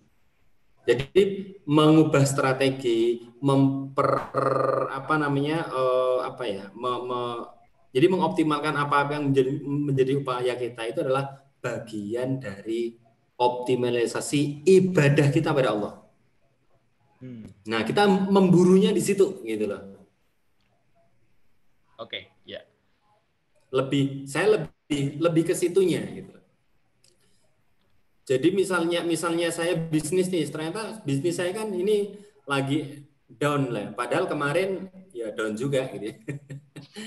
nah, saya tidak akan kemudian wah ini rezeki saya lagi seret. Ya bagi saya rezeki itu urusan Allah. Urusan saya adalah bagaimana kemudian saya mengoptimalkan strategi dan karena apa? Karena itulah bagian dari perintah Allah kira-kira gitu. Oke, menarik ya. Jadi kita harus memisahkan rizki sebagai pemberian eh, Hmm. dan aktivitas eh, kewajiban bekerja sebagai ladang pahala yang harus kita lakukan dengan cara yang sebaik-baiknya, dengan cara yang Cakep. eh, ya gitu. Maksudnya itu ya. Iya, iya. Betul, cakep banget. Oke, eh, ini saya undang yang sudah tunjuk jari ini namanya Widya Nanda. Ini saya unmute ya, Mbak Widya Nanda. Eh, bentar. Widya Nanda. Oke, silahkan eh, bergabung dengan dengan kita, dengan kami. Silahkan Mbak Widya Nanda sudah unmute. Oh iya. Assalamualaikum warahmatullahi wabarakatuh, Ustadz. Ya, Waalaikumsalam warahmatullahi wabarakatuh. gini, saya terima kasih sudah diberi kesempatan untuk bertanya. Jadi gini, Ustadz, saya kan udah lulus kuliah mulai bulan Januari tahun ini. Oh, Namun, fresh graduate ini berarti ya? ya benar. Namun saya itu sudah naruh lamaran di banyak tempat. Cuma Ini lamaran lamaran kerja, lamaran nikah? lamaran kerja Ustadz. Eh, iya, iya, iya. Namun sampai sekarang itu belum mendapatkan panggilan. Ada sih, Hmm. cuma sayangnya yang nggak cocok gitu loh Ustadz. Hmm. Mohon pencerahannya gimana untuk dapat pekerjaan yang sesuai sama saya. Kemudian mungkin ada doa khusus untuk memperlancar rezeki. Begitu Oh iya, iya, iya, iya. Ini Mbak Widyananda dari kota mana nih Mbak? Dari Surabaya. Oh iya, dari Surabaya ya. Kemudian keahliannya apa? Di bidang apa? Atau lulusan dari jurusan apa?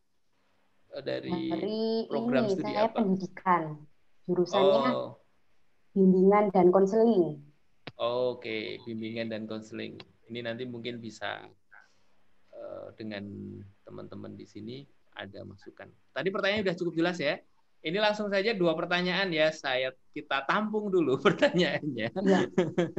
Oke, Terima terima kasih, kasih. Ya, Assalamualaikum sama-sama. warahmatullahi wabarakatuh. Waalaikumsalam warahmatullahi wabarakatuh. Terima kasih Mbak Widyananda dari Surabaya, fresh graduate eh, dan semoga banyak duit. fresh graduate.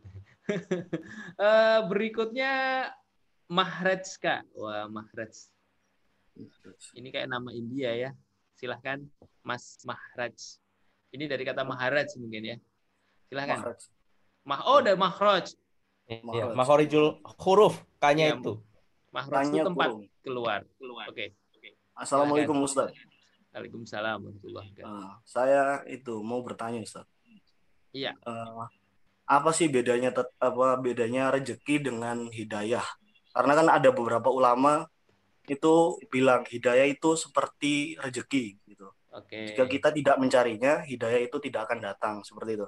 Nah, jika seperti itu tadi ya. Bagaimana kalau contohnya itu seperti orang non muslim atau orang kafir yang tidak berusaha mencari hidayah ke jalan Allah. Sedangkan tadi kan ada tiga tuh. Rezeki yang pertama, rezeki yang tanpa dihisap, rezeki yang dihisap pahalanya, sama yang rezeki yang dihisap dosanya. Apakah dia it- akan bisa dapat hidayah yang tanpa dihisap yang tadi itu? Sekian dari saya. Oke, ya dari Itu Mah pertanyaan. Mahraj ya. Eh, saya kira cukup jelas pertanyaannya. Rizki sama Hidayah itu sama atau beda gitu. Eh, Kemudian dari Mbak Mbak Widyananda tadi bertanya bahwa dia fresh graduate ya, fresh graduate eh, kemudian sudah ngelamar di banyak tempat tapi belum ada panggilan gitu. Nah, dia harus seperti apa eh, supaya rizkinya itu eh, apa lancar atau bisa dapat pekerjaan gitu ya. Yang berikutnya adalah pertanyaan ada nggak sih doa khusus supaya rizkinya lancar atau amalan khusus yang membuat kita dimudahkan rizkinya oleh Allah. Silahkan di sini ada Mas Cahyo, Mas Hidayat, Mas Wimar. Eh, silahkan. Siapa dulu? Mas Wimar mungkin ya. Rebutan. Saya deh, biar saya dapat yang gampang. saya jawab yang kedua ya. Jadi yang kedua dulu, nanti yang pertama itu biar Ustadz Cahyo sama Ustadz Hidayat. Saya mau ngejawab terkait hidayah sama rejeki. Apakah hidayah dengan rejeki itu sama? Jawabannya berbeda. Di mana letak perbedaannya? Justru yang dicari, yang kalau nggak dicari nggak dapet, itu hidayah. Hmm. Kalau yang nggak dicari tetap ada, itu rejeki. Rejeki itu nggak dicari, tetap ada. Kalau dicari, bisa jadi tambah pahala, bisa jadi tambah dosa. Tapi nggak dicari juga ada. Tadi kan ada dua tuh. Ada yang rezeki karena usaha manusia tanpa usaha manusia. Nah berarti nggak usaha bisa dong? Iya, tadi buktinya Ustadz Husain sudah mengilustrasikan kita lahir aja nggak bawa apa-apa, tapi Allah kasih rezeki sampai kita tumbuh besar, bahkan sampai bisa sekolah, sampai bisa kuliah dan lain-lain. Itu rezeki yang kita dapatkan tanpa kita mencari. Buktinya ada. Secara empiris kita bisa lihat perjalanan sejarah kita ke belakang, kita akan tahu bahwa rezeki yang kita cari itu lebih sedikit daripada rezeki yang datang tanpa kita cari. Jadi Rezeki sama hidayah bedanya di situ. Itulah kenapa orang itu seharusnya lebih mati-matian cari hidayah daripada cari rezeki. Karena rezeki udah pasti ada takarannya, hidayah itu belum tentu. Hidayah itu kalau kita nggak mendekat kepada Allah, Allah nggak akan kasih. Makanya Allah itu tidak memberi hidayah kalimatnya wallahu la yahdil kaumal fasikin, kaumal zalimin, kaumal kafirin. Allah nggak kasih itu hidayah sama orang-orang fasik, dolim, orang-orang kafir. Jadi harus kita kerja untuk kemudian hidayah itu datang. Tapi kabar baiknya, ternyata dalam sebuah hadis kudsi Allah mengisyaratkan sebegitu mudah hidayah untuk dicari. Kata Allah dalam uh, hadis Rasulullah, hadis kudsi ini ya, Allah bilang kalau kita mau berjalan ke Allah, Allah itu akan lari ke kita. Kalau kita mau lari ke Allah, Allah itu akan loncat ke kita. Jadi seakan Allah itu tidak mengizinkan dirinya untuk mendekati kita lebih lambat daripada kita mendekati dia. Jadi kalau kita deketin Allah walaupun pelan-pelan pelan Allah akan bersegera untuk mendatangi kita. Itu bukti betapa kasih dan sayangnya Allah kepada kita. Maka walaupun hidayah itu baru dapat kalau dicari, tapi insya Allah siapa pun yang nyari, Allah kasih. Allah pasti akan kasih. Bohong kalau ada orang bilang belum dapat hidayah. Itu bukan belum dapat hidayah, tapi dia belum mau nyari hidayah. Karena kalau dia sudah mau nyari sedikit saja, dia pasti akan dapat hidayah. Contoh ilustrasi saya akan berikan contoh ilustrasi hidayah paling ekstrim yang pernah saya dengar dari jamaah saya. Sebetapa hebat Allah itu kalau sudah mau memberikan jamaah uh, uh, siapa pun uh, atas hidayah Islam yang kita bisa rasakan saat ini. Jadi ada jamaah, ini saya nggak mention namanya, ini untuk jadikan ibroh untuk kita semua, kebaikan dari perjalanan kisah hijrah beliau. Ada seorang jamaah yang mohon maaf, mohon maaf, mohon maaf. Dia itu uh, dari dari kecilnya itu suka berzina. SMP bahkan, SMA bahkan. Setelah itu kuliah juga dia lakukan hampir setiap minggu bahkan hampir setiap hari. Jadi zina itu udah kayak kehidupannya dia. Ini naudzubillah dia cerita langsung ke saya. Ini nomor jamaah, jamaah laki-laki apa perempuan ini? Jamaah laki-laki. Oke. Okay, iya. Eh, jamaah laki-laki di forum tertutup kami ngobrol empat mata dia cerita karena ada suatu hal yang ingin dipecahkan terkait itu. Tapi saya nggak mau fokus ke zinanya, tapi saya mau fokus ke rezeki hidayahnya. Ya, hidayah itu luar biasa. Jadi waktu itu dia bilang zaman kuliah begini, adalah umur kan insya Allah masih lama. Ini orang-orang yang ajaib nih. Kalimatnya begini nih. Ini kalimat pencari hidayah sebetulnya. Dia bilang begini, nanti kalau dulu Ustadz, saya kemudian punya pikiran gitu. Nanti kalau umur saya sudah 30 tahun, saya akan berhenti zina dan saya akan menikahi seseorang untuk saya setia sama dia sampai mati. Nah, dia bilang begitu. Nanti katanya, umur 30 tahun. Ini dia cerita di umur dia yang masih kuliah, mungkin 22, mungkin 23 lah ya, atau 20. Nah, suatu ketika di malam yang sebegitu kelam, dia datang ke sebuah pub, ya tempat maksiat lah. Dia duduk di pinggir uh, di pinggir meja yang menghadap keluar daripada si pub itu, dia ngeliat ada banyak sekali wanita-wanita yang sedang menjajakan dirinya. Ini ekstrim sekali. Nah, setelah itu dia ngeliat ada mobil sedan mewah ngelentas di depan, kemudian berhenti ke di salah satu wanita. Terus kemudian turun kacanya, set gitu. Ketika kacanya turun, dia menyaksikan yang ada di dalam sedan itu itu bukan anak muda, tetapi kakek-kakek yang dia taksir umurnya pasti di atas 60 tahun. Sedang menawar seorang wanita yang ada di sana. Kemudian otak dia karena sudah terpancing dengan kalimat nanti kalau umur 30 aku mau tobat. Tiba-tiba kayak kesambar bledek, kemudian dia ngomong sama dirinya, jangan-jangan niat saya umur 30 akan tobat zina, jangan-jangan saya kayak kakek itu. Yang udah umur 60 tahun dia masih jajan hampir setiap hari dari cuma sedan yang lewat itu akhirnya dia bertobat. Kata dia di tahun itu Ustaz saya langsung cari wanita yang menurut saya paling soleh yang ada di sekitar saya lang solehah ya yang ada di sekitar saya langsung saya nikahi seketika itu di tahun yang sama kemudian sampai sekarang saya sudah bertobat. Gara-garanya apa? Hidayah bisa turun bahkan lewat seorang laki-laki hidung belang berusia lebih dari 60 tahun. Pertanyaannya kok bisa dia dapat hidayah? Bahkan lewat sesuatu yang sangat aneh begitu Jawabannya cuma satu, karena sebelum kejadian itu dia mulai mencari Allah. Walaupun hanya dengan kalimat seremeh apa? Nanti kalau umur 30 aku mau tobat. Cuma ngomong gitu saja, Allah langsung jadikan sebuah kejadian untuk kemudian merubah hidup dia. Jadi bohong kalau orang itu nggak dapat hidayah. Yang ada, orang itu nggak mau dapat hidayah. Maka kata-kata Allah, kelak di akhirat ketika ada orang nggak masuk surga, mereka itu abah.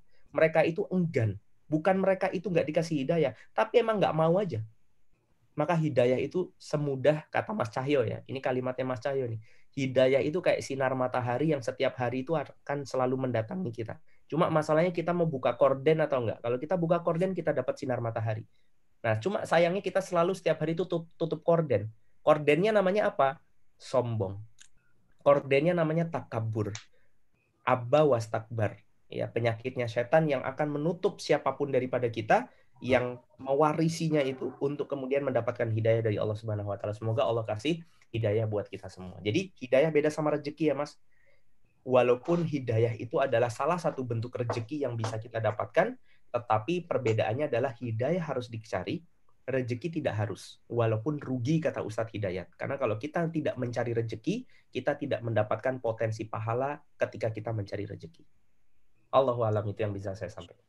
Ya, gimana Mas Maharaj? Iya. Sudah clear? Sudah. Oh, udah. Alhamdulillah. Oke. Okay. Terima kasih. Uh, ya, sama-sama. Uh, ke pertanyaan berikutnya ini ada Mas Hidayat tadi tentang ini udah mau lulus, eh udah lulus, kemudian apa sudah memasukkan lamaran-lamaran pekerjaan gitu ya. Nah, pertanyaannya adalah uh, gimana sih cara ini apa me, mencari rizki? Apakah dengan cara seperti itu? Atau bagaimana gitu? Ya melamar kerja ke perusahaannya satu sen aja. Ya uh, tadi mbak siapa namanya? Mbak Firda ya? Oh, Widya Widya. Oh, mbak, Widya. Ah. mbak Widya. Jadi yang perlu kita uh, luruskan kembali adalah paradigma kita tentang rezeki. Kalau fakta yang tadi disampaikan oleh Mbak Widya tentang baru saja lulus, kemudian nyari kerja udah berkali-kali melamar nggak diterima, nggak dapat kerjaan. Coba kalau ini kita kaitkan dengan yang tadi sudah dijelaskan oleh Ustadz Wimar dengan sangat gamblang dan detail sampai ke peta uh, rezeki. Nah, kita tempatkan bekerja tadi dan berusaha mencari pekerjaan itu posisinya ada di mana? Oh, bekerja, berusaha cari kerjaan, ini posisinya ada pada al-hal. Ada pada usaha kita untuk membuat kondisi ketika rizki ini datang.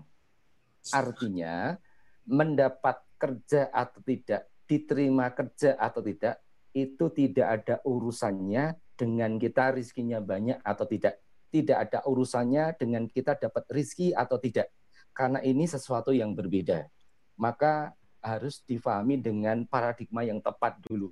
Jadi jangan pernah kemudian dalam hati kita terbersit kalau nggak diterima kerja, kalau nyari kerja sulit berarti rezekinya sedikit atau berarti rawan ini nggak dapat rezeki. Bukan seperti itu cara memahaminya.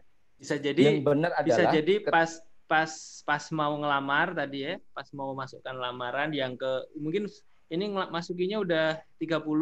Nah, besok pas mau masukin lamaran yang 31 tiba-tiba bawa lamaran terus kemudian tabrakan sama seseorang gitu ya. Yang ternyata uh, bos dari perusahaan itu yang sedang mencari uh, istri gitu ya. Dan akhirnya bukan lagi menjadi karyawan di perusahaan itu malah menjadi istri dari bos perusahaan itu akhirnya dia mendapatkan rezeki banyak kan. bisa jadi begitu ya, ya maksudnya ya. Oke, ya, lanjut begitu dan lanjut ya. ya. Nah, setelah setelah itu... bos itu akhirnya ribut dan bercerai dengan istri pertamanya kira-kira. ini tambah dramatis lagi ya. Nah, sekarang okay. begini. Uh, usaha kita untuk bekerja, usaha keras kita untuk melamar kerjaan tadi, itu bagian dari al-hal tadi. Yang al-hal ini urusannya dengan apa? Urusannya dengan pahala kalau Mbak Widya tadi ketika melamar itu sudah diniatkan ini aktivitas ibadah kepada Allah, maka berkali-kali melamar dan berkali-kali ditolak, itu bukan kemudian tidak dapat apa-apa, tapi mendapatkan pahala besar dari Allah. Kalaupun belum ada rizki yang banyak mengalir dari pekerjaan karena belum bekerja, nah tetap yakin bahwa rizki akan mengalir lewat jalan yang lain.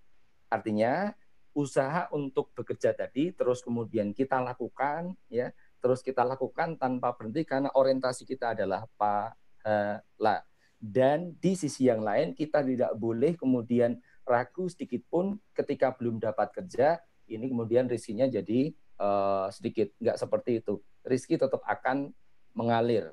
Kalau pertanyaan lanjutannya adalah bagaimana apakah ada amalan atau ada doa yang bisa memperluas, uh, mempermudah untuk dapat rezeki, insya Allah itu sudah banyak dibahas oleh ustadz-ustadz yang lainnya. Salah satunya dengan cara apa? Selain berdoa, kemudian ada amalan sholat duha, ada kemudian kita harus banyak sodakoh, ada uh, kita harus banyak silaturahim dengan yang lainnya, dan juga aktivitas-aktivitas lain yang itu sudah banyak dibahas. Tapi ada satu hal yang sering sering dibahas, tapi jarang kita lakukan, dan ini rawan sekali hilang dari diri kita, yaitu tawakal.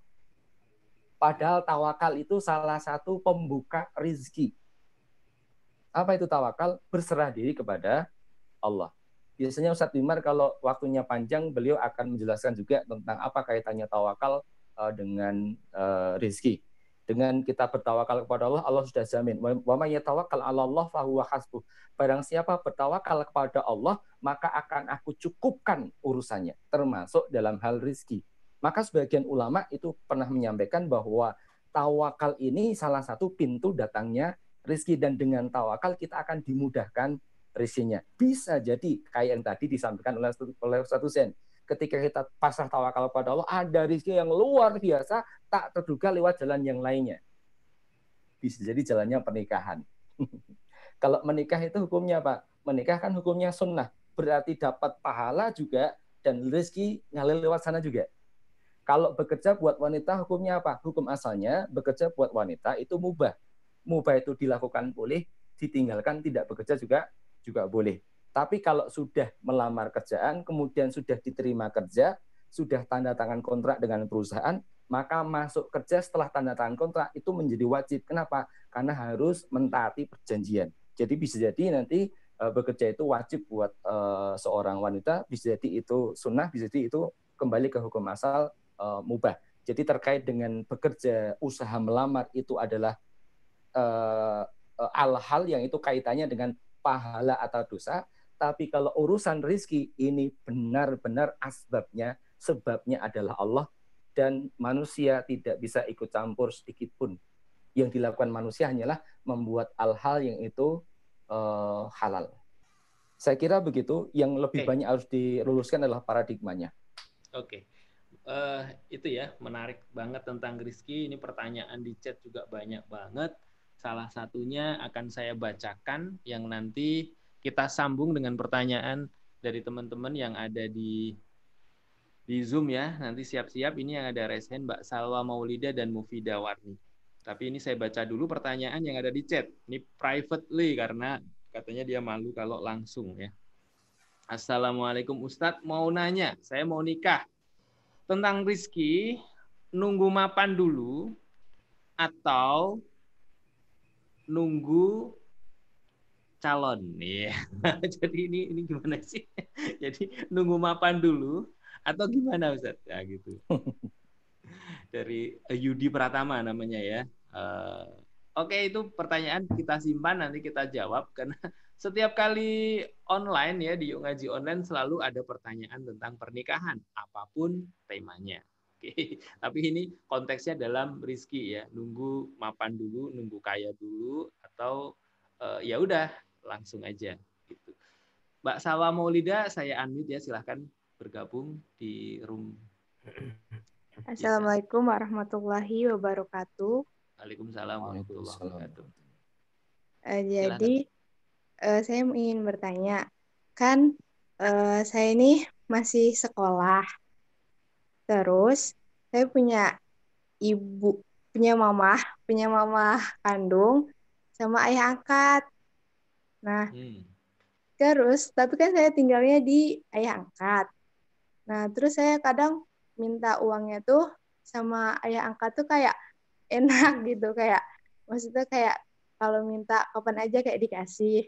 Kadang kalau sama mama kandung tuh kayak agak susah gitu. Jadi pikirannya tuh oh ya udah mintanya langsung sama ini aja kayak gitu apa ya sama ayah angkat aja gitu jadi kayak uh, udah kayak berharapnya tuh ya udah sama kayak manusia gitu loh jadi kayak udah kebiasaan misalnya kayak mau apa-apa langsung kayak ke manusia ke manusia karena kayak udah berasa kayak oh nanti juga dikasih sama ayah angkat kayak gitu tenang kayak gitu itu gimana Ustaz?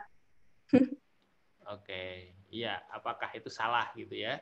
Mm. Kalau kita itu menyandarkan pada ayah angkat. Ini ayah angkat apa ayah ayah angkat ah, sama ayah tiri sama nggak? Enggak, uh, ayah angkat. Ayah angkat ya, beda ya. Oke. Yeah. Mbak Mbak Salwa sekolahnya masih SD atau SMP atau SMA atau SMA. Oh, SMA. Oke. Oke, ya, ya. Oke, terima kasih nanti kita bahas ya. Ya. Berikutnya dari Mufida Warni. Silakan. Silakan. Assalamualaikum warahmatullahi wabarakatuh. Waalaikumsalam. Waalaikumsalam warahmatullahi wabarakatuh. Uh, uh, apa terima kasih Ustadz. Ini saya baru apa juga baru bergabung juga karena tadi kan uh, pergi kerja dulu ke puskesmas dapat wifi baru bisa gabung apakah ini udah ditanya atau belum saya nggak tahu gitu nah bagaimana hmm. dengan orang jika uh, mencari rezeki itu dengan maksudnya gini dengan uh, zikir yang sholawat seribu kali gitu kan terus bahkan ada ustadz yang mengatakan uh, baca surat al-waqiah atau baca surat ar-rahman gitu biar supaya rezekinya datang nah itu bagaimana ustadz apakah itu uh, diperbolehkan gitu. Assalamualaikum warahmatullahi wabarakatuh. Waalaikumsalam. Oke, silahkan. Ada tiga hal. Pertama adalah nikah nunggu mapan atau nunggu siap. Yang kedua soal tadi boleh eh, benar nggak sih kalau kita itu rizki uh, yang kepikiran ke ya tadi ayah angkat ya.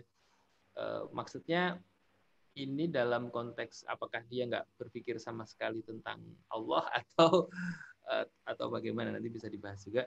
Yang ketiga apakah amalan-amalan seperti tadi ya baca surat al-waqiah di pagi hari mungkin ya kemudian ar-rahman kemudian baca sholawat mungkin sekian kali gitu itu bisa menjadi amalan pendatang rizki gitu ya. Boleh nggak gitu?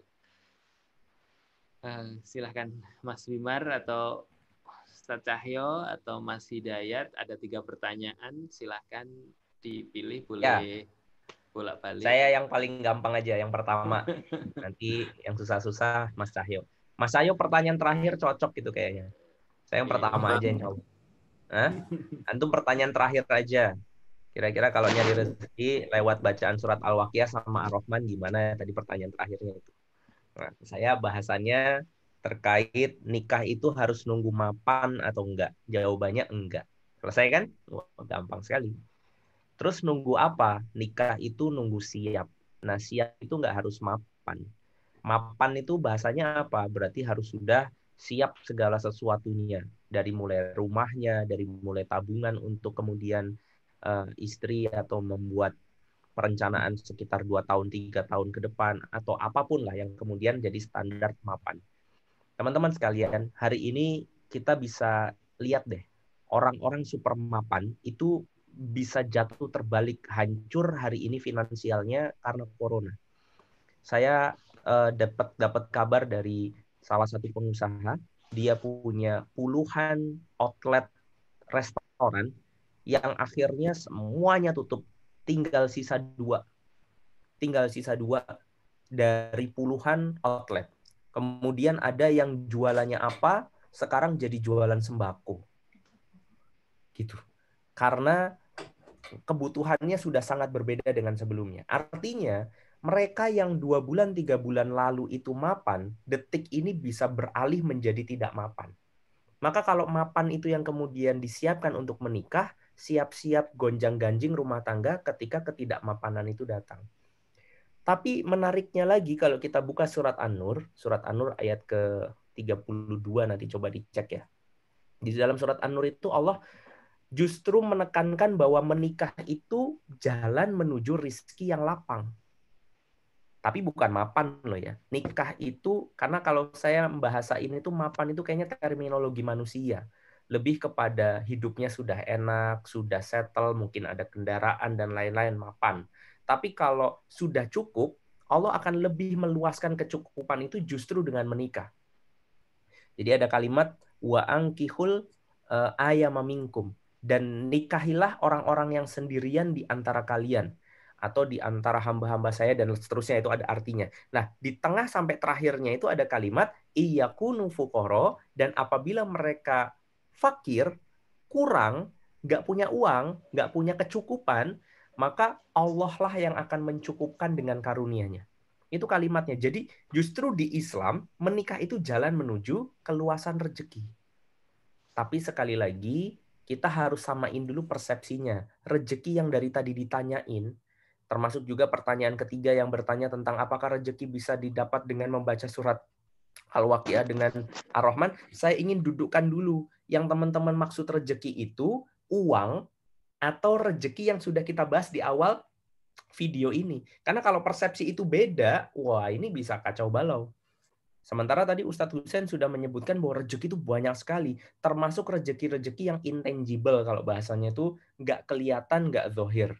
Kayak rasa tenang, bisa tidur pules, punya teman banyak, dihusnuzonin orang. Ada kan ya orang bisa yang bernafas, baik, bisa bernafas bisa bernapas.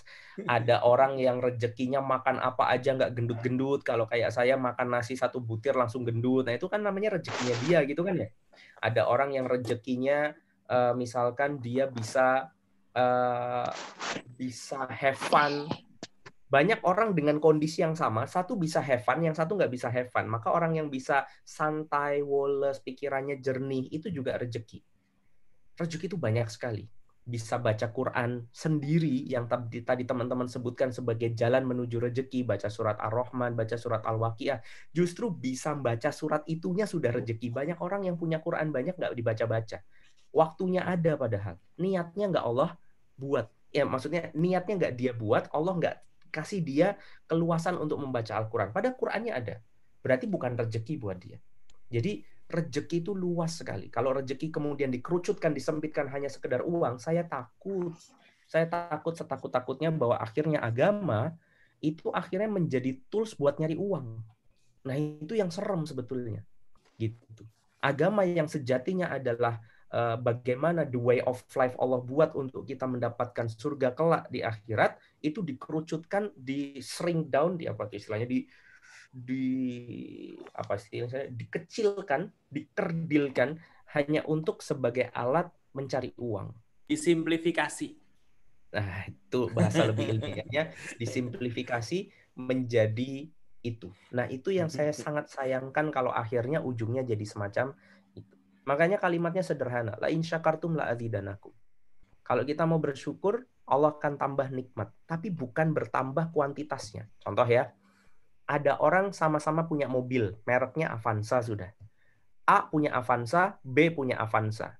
A ngerasa nggak seneng sama mobilnya, B ngerasa seneng karena dia bersyukur. Itu dengan rejeki yang secara dohir kelihatannya sama, yang satu nikmatnya lebih tinggi daripada satunya. Ini juga cara Allah dalam membang, mem, memperbanyak rejeki kita. Jadi rejeki, Ustadz lagi nulis Ustadz? Oh sebentar ini, kayaknya. Oke, sebentar. Jadi, uh, ya. Ini saya pikir omongan saya langsung mau digambar gitu Ustaz. Jadi saya ngomong pohon uh, ada pohon ini langsung ada gambarnya gitu kan. Siapa tahu mau begitu. Jadi uh, intinya adalah teman-teman cara Allah meningkatkan rejeki kita, membuat luas rejeki kita itu tidak seperti pikiran kita yang berarti duitnya tambah banyak dong. Berarti tabungannya tambah banyak dong. Enggak itu juga. Kadang tabungannya tetap bahkan berkurang tapi rezekinya naik Bukankah dengan banyaknya orang yang di PHK saat ini muncul rejeki-rejeki yang nggak pernah kepikiran sebelumnya? Apa coba? Orang yang tadinya ngantor sekarang di rumah, yang tadinya nggak pernah ketemu sama anaknya, sekarang makan tiga kali sehari di meja makan ngobrol sama anaknya. Itu rejeki. Tapi orang nggak pernah ngelihat itu sebagai rezeki karena pikirannya rezeki duit, rezeki duit, rezeki tabungan, rezeki tabungan. Jadi rezeki tidak sesempit itu. Jadi tolong persepsinya dirubah agar kita bisa lebih mensyukuri banyak hal positif yang Allah berikan bahkan di tengah situasi yang kelihatannya tidak menyenangkan ini. Nah, kira-kira demikian perkara rezeki. Simpelnya nggak usah nunggu mapan, tapi nunggu siap. Nah, siap itu apa? Memang salah satunya secara finansial, tetapi ya nggak usah berlebihan yang kedua secara fisik, yang ketiga secara ilmu, dan yang keempat jodohnya ada. Nah, kalau yang terakhir ini wajib, ya. jangan sampai rezeki yang terakhir ini belum disiapkan. Oke. Okay. Ya. Alhamdulillah. Nah, kan mungkin sudah terjawab semua tadi. Iya, sudah terjawab semua ya dari tiga pertanyaan ini. Belum. Baru iya. satu. sudah. Saya pikir uh, sudah merangkum semuanya dan waktunya juga sudah jam setengah sepuluh ya dua puluh satu tiga tiga silahkan kepada Ustadz Hidayat Ustadz Cahyo untuk memberikan uh, kesimpulan ya, kesimpulan kesimpulan terakhir. Oke, langsung saya langsung kesimpulan ya. aja ya. Jadi uh, tadi menyambung dengan yang disampaikan oleh Ustadz Bimar tadi, banyak orang salah paham bahwa rizki itu identik dengan uang, dengan harta, Nah, itu yang kemudian paradigma harus diluruskan. Karena dengan begitu kita bisa terjebak kepada langkah-langkah yang salah ketika mencari rezeki. Ada hal yang menarik, tadi mungkin saya ngambil beberapa kesimpulan yang disampaikan oleh Ustaz Bimbar di presentasi di awal. Pertama, bahwa rezeki itu sudah dijamin oleh Allah dan pasti akan sampai semua ke kita. Bahkan Rasul pernah dapat bisikan dari malaikat Jibril bahwa tidak akan mati seorang uh, hamba atau manusia ataupun makhluk kecuali rizkinya sudah disampaikan semuanya. Artinya apa? Kalau boleh saya uh, bahasakan dengan bahasa yang lebih gamblang, Anda jatah rizki kita itu 100%. Entah dalam bentuk apa pun, bisa dalam bentuk harta, bisa dalam bentuk kesehatan, bisa dalam bentuk yang lain-lain tadi disampaikan Ustaz Bimar. Andai kita dapat jatah rizki 100%. Nah, rizki 100% ini akan sampai ke kita semua, 100% juga hanya jalannya ada dua pintu, ada dua jalan menghubungkan dari uh, Allah kemudian nyampe kepada kita. Jalan ini adalah hal-hal yang tadi sudah dibahas. Bisa halal, bisa haram. Andai kita sudah melewatkan rizki lewat jalan yang haram misalnya, 70% sudah lewat jalan yang haram. Maka yang lewat jalan halal tinggal berapa? Tinggal 30%. Andai kita mau pakai hitung-hitungan yang gamblang. Andai kita sudah terlanjur melewatkan rizki lewat jalan yang haram itu 80% berarti tinggal 20% lewat jalan yang halal. Sebaliknya, andai jalan yang haram itu kita tutup, ditutup, dikunci, jadi setiap ketemu hal yang itu haram nggak kita lakukan, sehingga rizki nggak lewat jalan di situ, hanya tinggal satu jalan lewat uh, rizki, yaitu jalan yang halal. Kenapa? Karena 100% pasti akan sampai ke kita.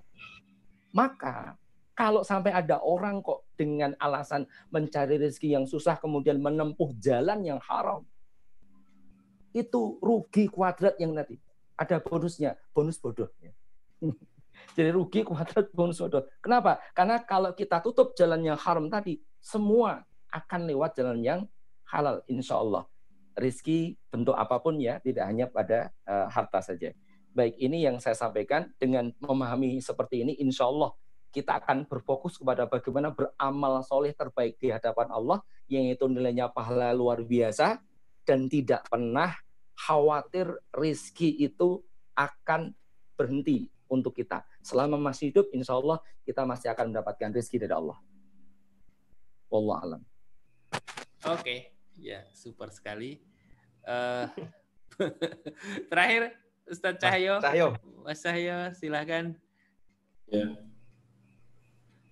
ada yang mau disampaikan? Um, sudah tersampaikan semuanya.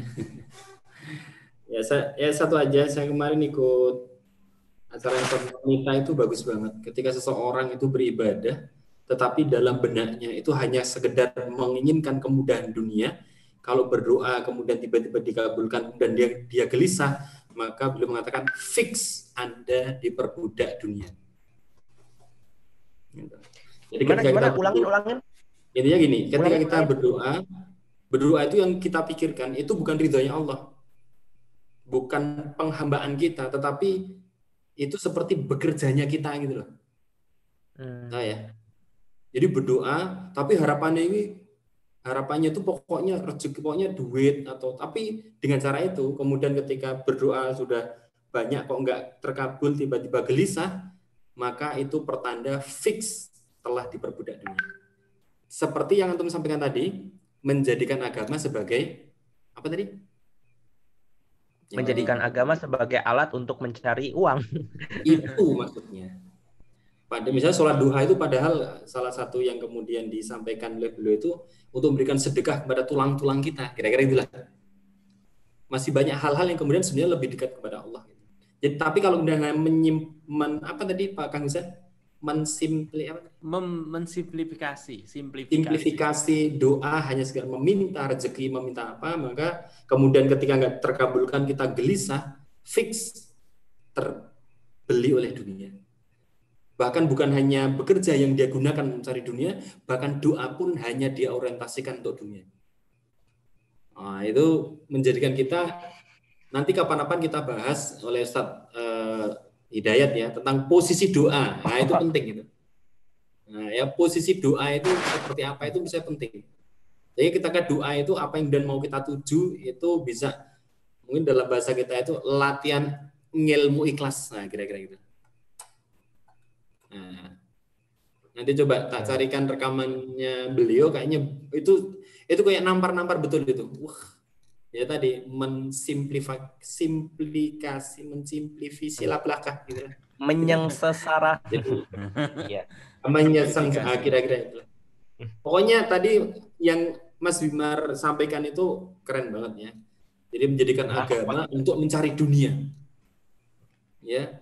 Jadi ternyata bukan hanya ada ustadz berbayar bukan itu ternyata bahkan ketika Antum nyindir saya sebenarnya kan ya. Bukan.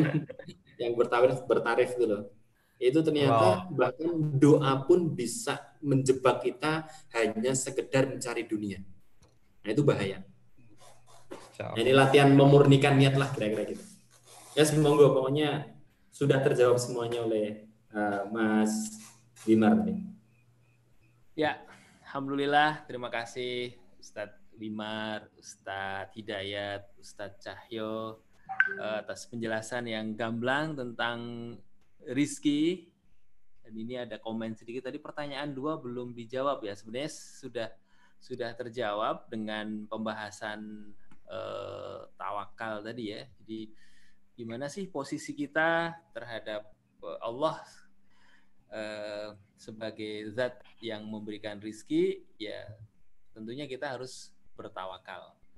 Nah, dalam konteks ini Rasulullah pernah bersabda ikilha buat tawakal gitu. Ini konteksnya pada saat ada badui yang membawa keledai ke Masjid Nabawi, kemudian keledainya itu dibiarin saja berjalan-jalan gitu. Eh, kemudian Rasulullah mengatakan ikilha buat tawakal. Jadi kalau kamu eh, mau aman keledainya itu kamu harus ikat keledai kamu buat tawakal gitu. Karena sebelumnya Yahudi ditanya Rasulullah, kok keledainya dibiarin berjalan-jalan ke sana kemari? Itu Yahudi, eh, Baduinya mengatakan, saya sudah bertawakal kepada Allah sehingga keledai saya insya Allah aman gitu. Nah Rasulullah mengatakan ikilha wa tawakal. Kalau dalam kaidah bahasa Arab, wa di sana itu adalah al mutlakul jam'i. Jadi eh, yang yang pertama dan yang kedua itu sesuatu yang yang menjadi paket gitu ya, sesuatu yang harus berbarengan antara eh, tawakal kita kepada Allah dan usaha kita untuk memilih mana yang terbaik itu tadi. Kalau dalam konteks eh, rizki sebagai materi ya, walaupun rizki itu tadi dijabarkan banyak banget, itu tetap eh, bahwa bekerja itu adalah hal yang bisa menjadikan jalan menuju rizki dan itu harus diupayakan sebagai sesuatu yang yang terbaik. Saya kira itu eh, apa penjelasan tentang bagaimana sikap kita dalam bertawakal kepada Allah. Ini sebenarnya bisa menjadi satu bahasan tersendiri lagi ini nanti ke depan tentang tawakal. Ada tadi tadi tentang doa ada lagi tadi tentang hidayah gitu ya. Jadi insya Allah nanti setiap uh, malam uh, apa ini malam Rabu ya malam Rabu kita akan ditemani oleh Ustadz Wimar dan teman-teman insya Allah dan di minggu berikutnya insya Allah sudah uh, nanti masuk Ramadan dan Ramadan kita jadwalnya geser sedikit jam 20.30 ya. Kemudian informasi juga untuk besok kita tetap jam 20 dan akan ditemani oleh Ustadz Kiai Haji ya, Kiai Haji Hafiz Abdurrahman dalam rubrik Yuk Nanya Ustadz. Jadi teman-teman yang punya pertanyaan, ya pertanyaan e, macam-macam seputar e, fikih, seputar muamalah, politik, ekonomi, dan seterusnya. Pokoknya semuanya itu akan dijawab insya Allah secara tuntas, mendalam, karena uh, beliau ini menjadi sumber rujukan bagi banyak pencari ilmu gitu. Jadi stay tune di channel ini setiap hari jam 8 malam dan insya Allah nanti pas Ramadan kita akan start jam 8.30 karena ada apa ada jadwal biasanya untuk sholat tarawih secara berjamaah lantas nanti kita baru buka uh, channel ini jam 20.30. Demikian, terima kasih atas perhatiannya. Assalamualaikum warahmatullahi wabarakatuh.